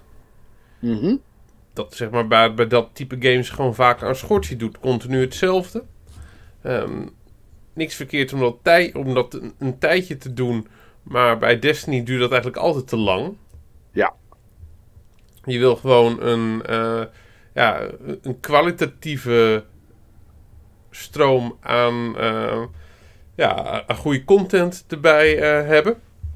En, eh, en eigenlijk wil je dat ook op, op zo'n manier gebalanceerd hebben dat je er enerzijds moeite voor moet doen om dan daar weer bij te kunnen. Om zeg maar die, die grind weer aan te gaan. Mhm. Eh, je wil ook dat die content waarde heeft op, die- op, op die manier. Maar het Ja. moet ook weer niet te lang duren. Het moet ook zeg maar niet enorm gated zijn dat je vervolgens weer maanden moet, ehm, ja, mo- moet grinden om fatsoenlijk te kunnen raiden. Het gaat allemaal om balans. En het is wel, een kwetsbare balans. Maar daar wil ik, over, wil ik in een komende uitzending eh, nog meer over zeggen. Ehm, wat, me ook, er- wat me ook heel erg gaaf zou lijken... is een sequel op eh, Zelda Breath of the Wild... maar met meer traditionele dungeons. Ja. Ehm, eventueel gated op een, een Link Between Worlds-achtige manier. Van dat je zeg maar... eh, dat je van tevoren getoetst wordt of je wel of niet zeg maar, daar, daarin kan. Of je dus, zeg maar, de, over de items beschikt om die dungeon op te kunnen lossen. Mhm. Of op een andere manier opgezet. Maar in ieder geval wat, wat meer traditionele eh, ja, eh, dungeons dan, dan die beasts vanuit Breath of the Wild. Ja, die ook toch wel redelijk kort waren vergeleken bij sommige dungeons die we kennen uit de klassiekere Zelda's. Ja. En dat, dat vond ik wel... eh, ik, moet nog een keer verder gaan met die game. Ja, dat, vond ik wel, ik. dat vond ik wel het minste, het minste onderdeel van eh, Breath of the Wild. Ja. En dat is, vind, ik- vind ik ook wel gewoon echt een, een stapel in, in de hele Zelda-franchise. Wat ook Zelda, Zelda, Zelda, Zelda maakt. Ja, ja, Eh, ja. Dat, dan zou dat, eh, die game echt heel erg beantwoorden. en Dat doet hij toch al hoor. Maar dan zou hij nog meer beantwoorden aan zeg maar, dat, dat idee van een overtuigende vrije 3D-wereld. Die, eh, eh, wat ik noemde. Ik denk dat voor alle games die ik ken en die ik gespeeld heb. Zelda daar veruit het meest aan voldoet. Ja, tot nu toe wel. Ik, ik denk dat een game, zoals jij het beschrijft, zeg maar, met, een, met, een, met, met die wereld, dat misschien een game als Cyberpunk, van wat we gezien hebben straks, dat die stad misschien nog wel iets meer het echte, echte leven, zeg maar, ervaart, om het zo te noemen. Maar eh, ik, snap wel, eh, ik snap wel dat je deze wereld aanhaalt, eh Steve. Want dat Ja. is wel, eh, ja, zeker. Maar mijn droomgame. ehm, mijn echte droomgame van dit moment. ehm, is wel een, eh, een- game, of eigenlijk waarschijnlijk een heel nieuw game genre. Wat eh, waarschijnlijk nog wel echt toekomstmuziek is. En geen nabije toekomstmuziek. Oké. Maar dat zou een, ehm, een, een combinatie van bord- en videogame eh, zijn. Ehm, waarbij er op een tafel echt dingen voor je geprojecteerd worden. Echt eh, op basis van lichtprojectie of hologrammen. Dat je, ehm, dat, dat je echt aan het spelen bent met, met lichtsculpturen. Of dat, eh, of dat, dat je gewoon een, een apparaatje hebt liggen. Waarschijnlijk gewoon een smartphone. Wat, wat combinatie met, met iets wat zeg maar voor die projectie zorgt. Wat echt gewoon die, die game logica overneemt. Wat, wat ook voor een continue... ehm, ja, voor een continue variatie eh, zorgt. Ehm, Niels heeft wel, wel eens ehm, Legend of Drizzt gespeeld. Yep. Zo'n soort spel. Alleen dan, eh, kijk, daar heb ik het ook wel eens over, ge- over, over gehad. Zodat het meest videogame-achtige spel is wat ik, eh, wat ik ken op basis van regels op basis van, eh, van, eh, van gameplay. Ehm, alleen dan echt doorgeautomatiseerd. Omdat je echt gewoon zeg maar een ehm, gewoon al- algoritmes hebt die, die dat allemaal gewoon afhandelen. Dat je daar verder weinig omkijk aan hebt. Behalve je keuzes die je maakt in je afwegingen. En dat je gewoon zo'n zo'n dungeon echt, echt voor je ziet op tafel. Figuren voor je ziet, ook geanimeerd. Ehm, ja, met, met echt gewoon eh, hologrammen of lichtsculpturen. Oké. Dat klinkt inderdaad wel echt als eh, niet nabije toekomstmuziek inderdaad, Steve. Dat weet ik niet. Dat weet ik eigenlijk niet. Volgens mij, eh, kijk, eh, ja, wa- wat je denk ik gewoon daarvoor nodig hebt, zijn maar twee dingen. Ehm, gewoon echt, echt goede lenzen. En echt goede, licht, en een echt goede lichtbron. Ja. Ehm, de, processing power is niet het bezwaar. Nee. Die is er nu al. Het zit hem echt gewoon in die projectie. Ja. Dus ehm, ik denk wel dat dit gaat komen. Eh, dit, dit is echt elk een van die, van die, van die stapels uit zo'n beetje eh, elke science fiction serie. Het heeft ook heel veel toepassingen. Ehm, denk, van, denk eraan bijvoorbeeld dat je bij wijze van spreken gewoon een kunstwerk hebt staan ehm, eh, ergens op je dressoir. Wat je zeg maar elke week kan verversen of elke maand kan verversen. Gewoon een, scu- een sculptuur die elke maand anders is. Omdat het geen echte sculptuur is, maar in feite een projectie van een sculptuur. Ja. Ehm, ja, zo, zo nog meer eh, eh, dingen. Eh, ja, ik denk dat dit enorm toe, toepasbaar is. Ik denk dat het heel veel. Dat dit, als het echt ge- gewoon er is, op een consumentenniveau. Ik denk dat het heel, heel veel potentie heeft. Maar nu is het er nog niet. Nee. Nee, dat is, dat is zo. Maar en inderdaad. juist, juist omdat het er nog niet is. En er voorlopig ook niet gaat komen. eh daarom is dit mijn droomgame. Ja. God, je, heeft het, eh, jij, je had het net over elke week een ander, eh, een ander, ander kunstwerk of sculptuur op je dressoir. Ik denk gewoon aan elke avond een andere pornoster die op je bed ligt. Ja, Je, je, dat- kan, je, kan, er, je ja. kan er niks mee, maar je kan er wel naar kijken natuurlijk. Elke avond een andere. Dat zou toch goed zijn, zeg? Er is een, een eh, dat hoorde ik toevallig gisteren was dat. Er is een Nederlands bedrijf en die heeft een soort HoloLens gemaakt, maar dan in een normale dunne bril. Oké, in een gewoon een echte, echte bril, zeg Ja, maar. een echte bril. En zo'n bril kost nu nog 2000 euro of zo. En misschien is die ook nog, net als de HoloLens, ehm, dat je maar een, een vrij kleine viewport hebt. Maar die richting zou het ook heen kunnen gaan. Ja, dat zou natuurlijk. Maar weet je, ik, ik weet niet, Steve, als dat dan geprojecteerd wordt op die, op die tafel, is dat puur ter illustratie? Of zou je ook set pieces willen hebben die je dan met de hand kan bewegen, zeg maar? Ik denk dat dat niet zo... ehm, als die projectie er is, is het andere makkelijk. Ja. Ja, met de HoloLens kun je ook dingen pakken. Jawel, maar, ziet ieder, maar als je dan met, met vier mensen rondom de tafel zit, zien Ja. al die vier die mensen dan hetzelfde, zeg maar. Dat wordt denk ik met zo'n HoloLens-achtige oplossing een stuk lastiger. Oh, die zien wel hetzelfde. Dat Ah. Oké, ja. ja. dat kan allemaal netwerkgestuurd. Ja. Ja, het zou wel interessant zijn. Kijk, we hebben natuurlijk inderdaad wat jij zegt, eh, Steve, zoveel films al gezien. Een Minority Report bijvoorbeeld, of dat soort dingen. Waarin het natuurlijk eh, ja, iets uit de lucht pakken is, naar links gooien, naar rechts gooien, bij elkaar voegen en dat soort dingen. Ik heb bananen uit de lucht gepakt, hè? Ja, ja, in- ja. inderdaad. Ja, en dat was dan wel VR, maar ze hingen er en jij pakte ze en je gooide ze ook ja. gewoon. En dat eh, kon de ander ook zien of ervaren. Ja, ja, inderdaad. Ja, het zal wel dichterbij zijn eh, dan, dan, dan we misschien denken. Dat zou wel. Ja, en dit is ook een beetje... Ja, dit is gewoon ingegeven door tal van inspiratoren, noemen we eventjes. Tal, tal van inspiratiebronnen. Shantum is er één eh, van. Ja. Met zijn, met zijn VR-experience. Mensen, ga allemaal naar Shantum's VR-experience, hè. Allemaal Beste, bussen. beste attractiepark van, eh, van Gouda. Ja, bussen, hele busladingen naartoe. Ja. Kan die makkelijk aan. Ja, soms zie ik gewoon echt hele, hele bussen Japanners gewoon gedropt worden. Zeg maar in, eh, in zijn buurtje. Nou, die staan allemaal gewoon netjes zeg maar, op een rij tot ze mogen. Ja, Maar dat, dat is in ieder geval ingegeven eh, eh, daardoor. Maar daarnaast gewoon al die bordspellen. Yo, ik vind dat VR tof. Maar ik heb er een paar issues mee.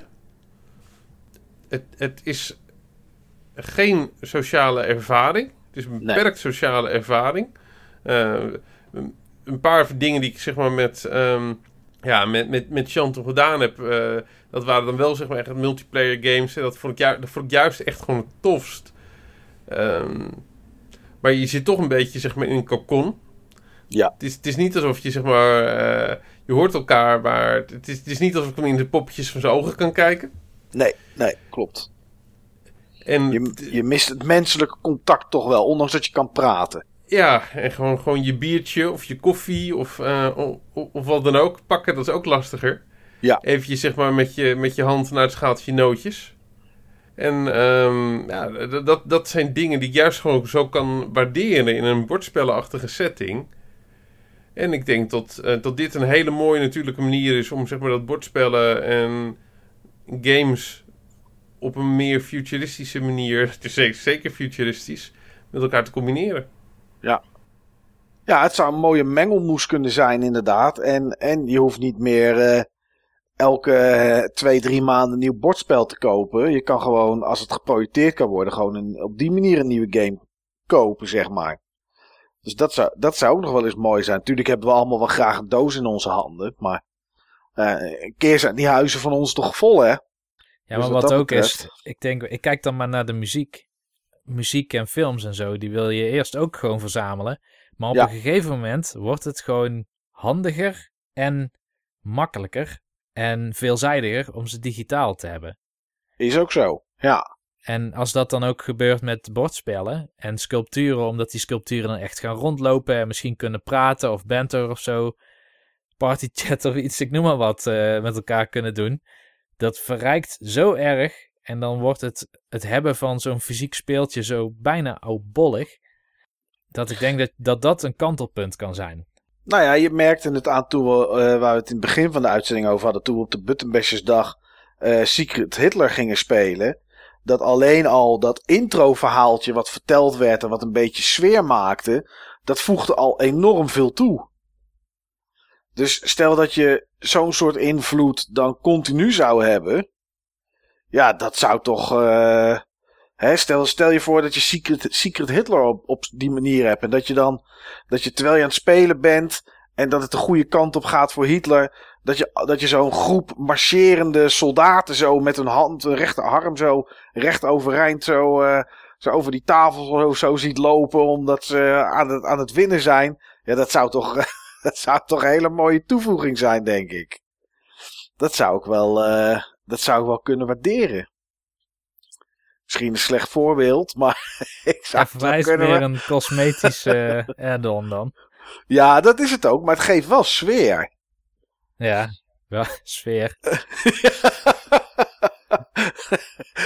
Daarvoor zeg ik, het is misschien niet de juiste Ja, sfeer. precies. Ja. Maar eh, ja. Nou ja, Steve, ik, ik hoop dat we dat ooit nog eens mee gaan maken. Dat het, eh, de technologie eh, harder gaat dan dat, we, dan dat we nu hopen of denken of weten. En dat we dit nog eens, eh, dat we op Buttonbashersdag eh 2024 of zo, eh, of 23, over vijf jaar, dat we dat kunnen spelen. Dat zou, wel, eh, dat zou toch wel tof zijn. Tenzij er rare dingen gebeuren, ga ik dit wel meemaken hoor. Dat denk ik ook wel. Ja. Ja, ja, ja de technologie gaat nog wel, eh, die gaat nog wel zo ver vooruit eh, in ons leven, denk ik. Misschien bevat ik het tegen die tijd niet helemaal meer. Dat zou natuurlijk kunnen, maar we gaan het nog wel meemaken, denk ik.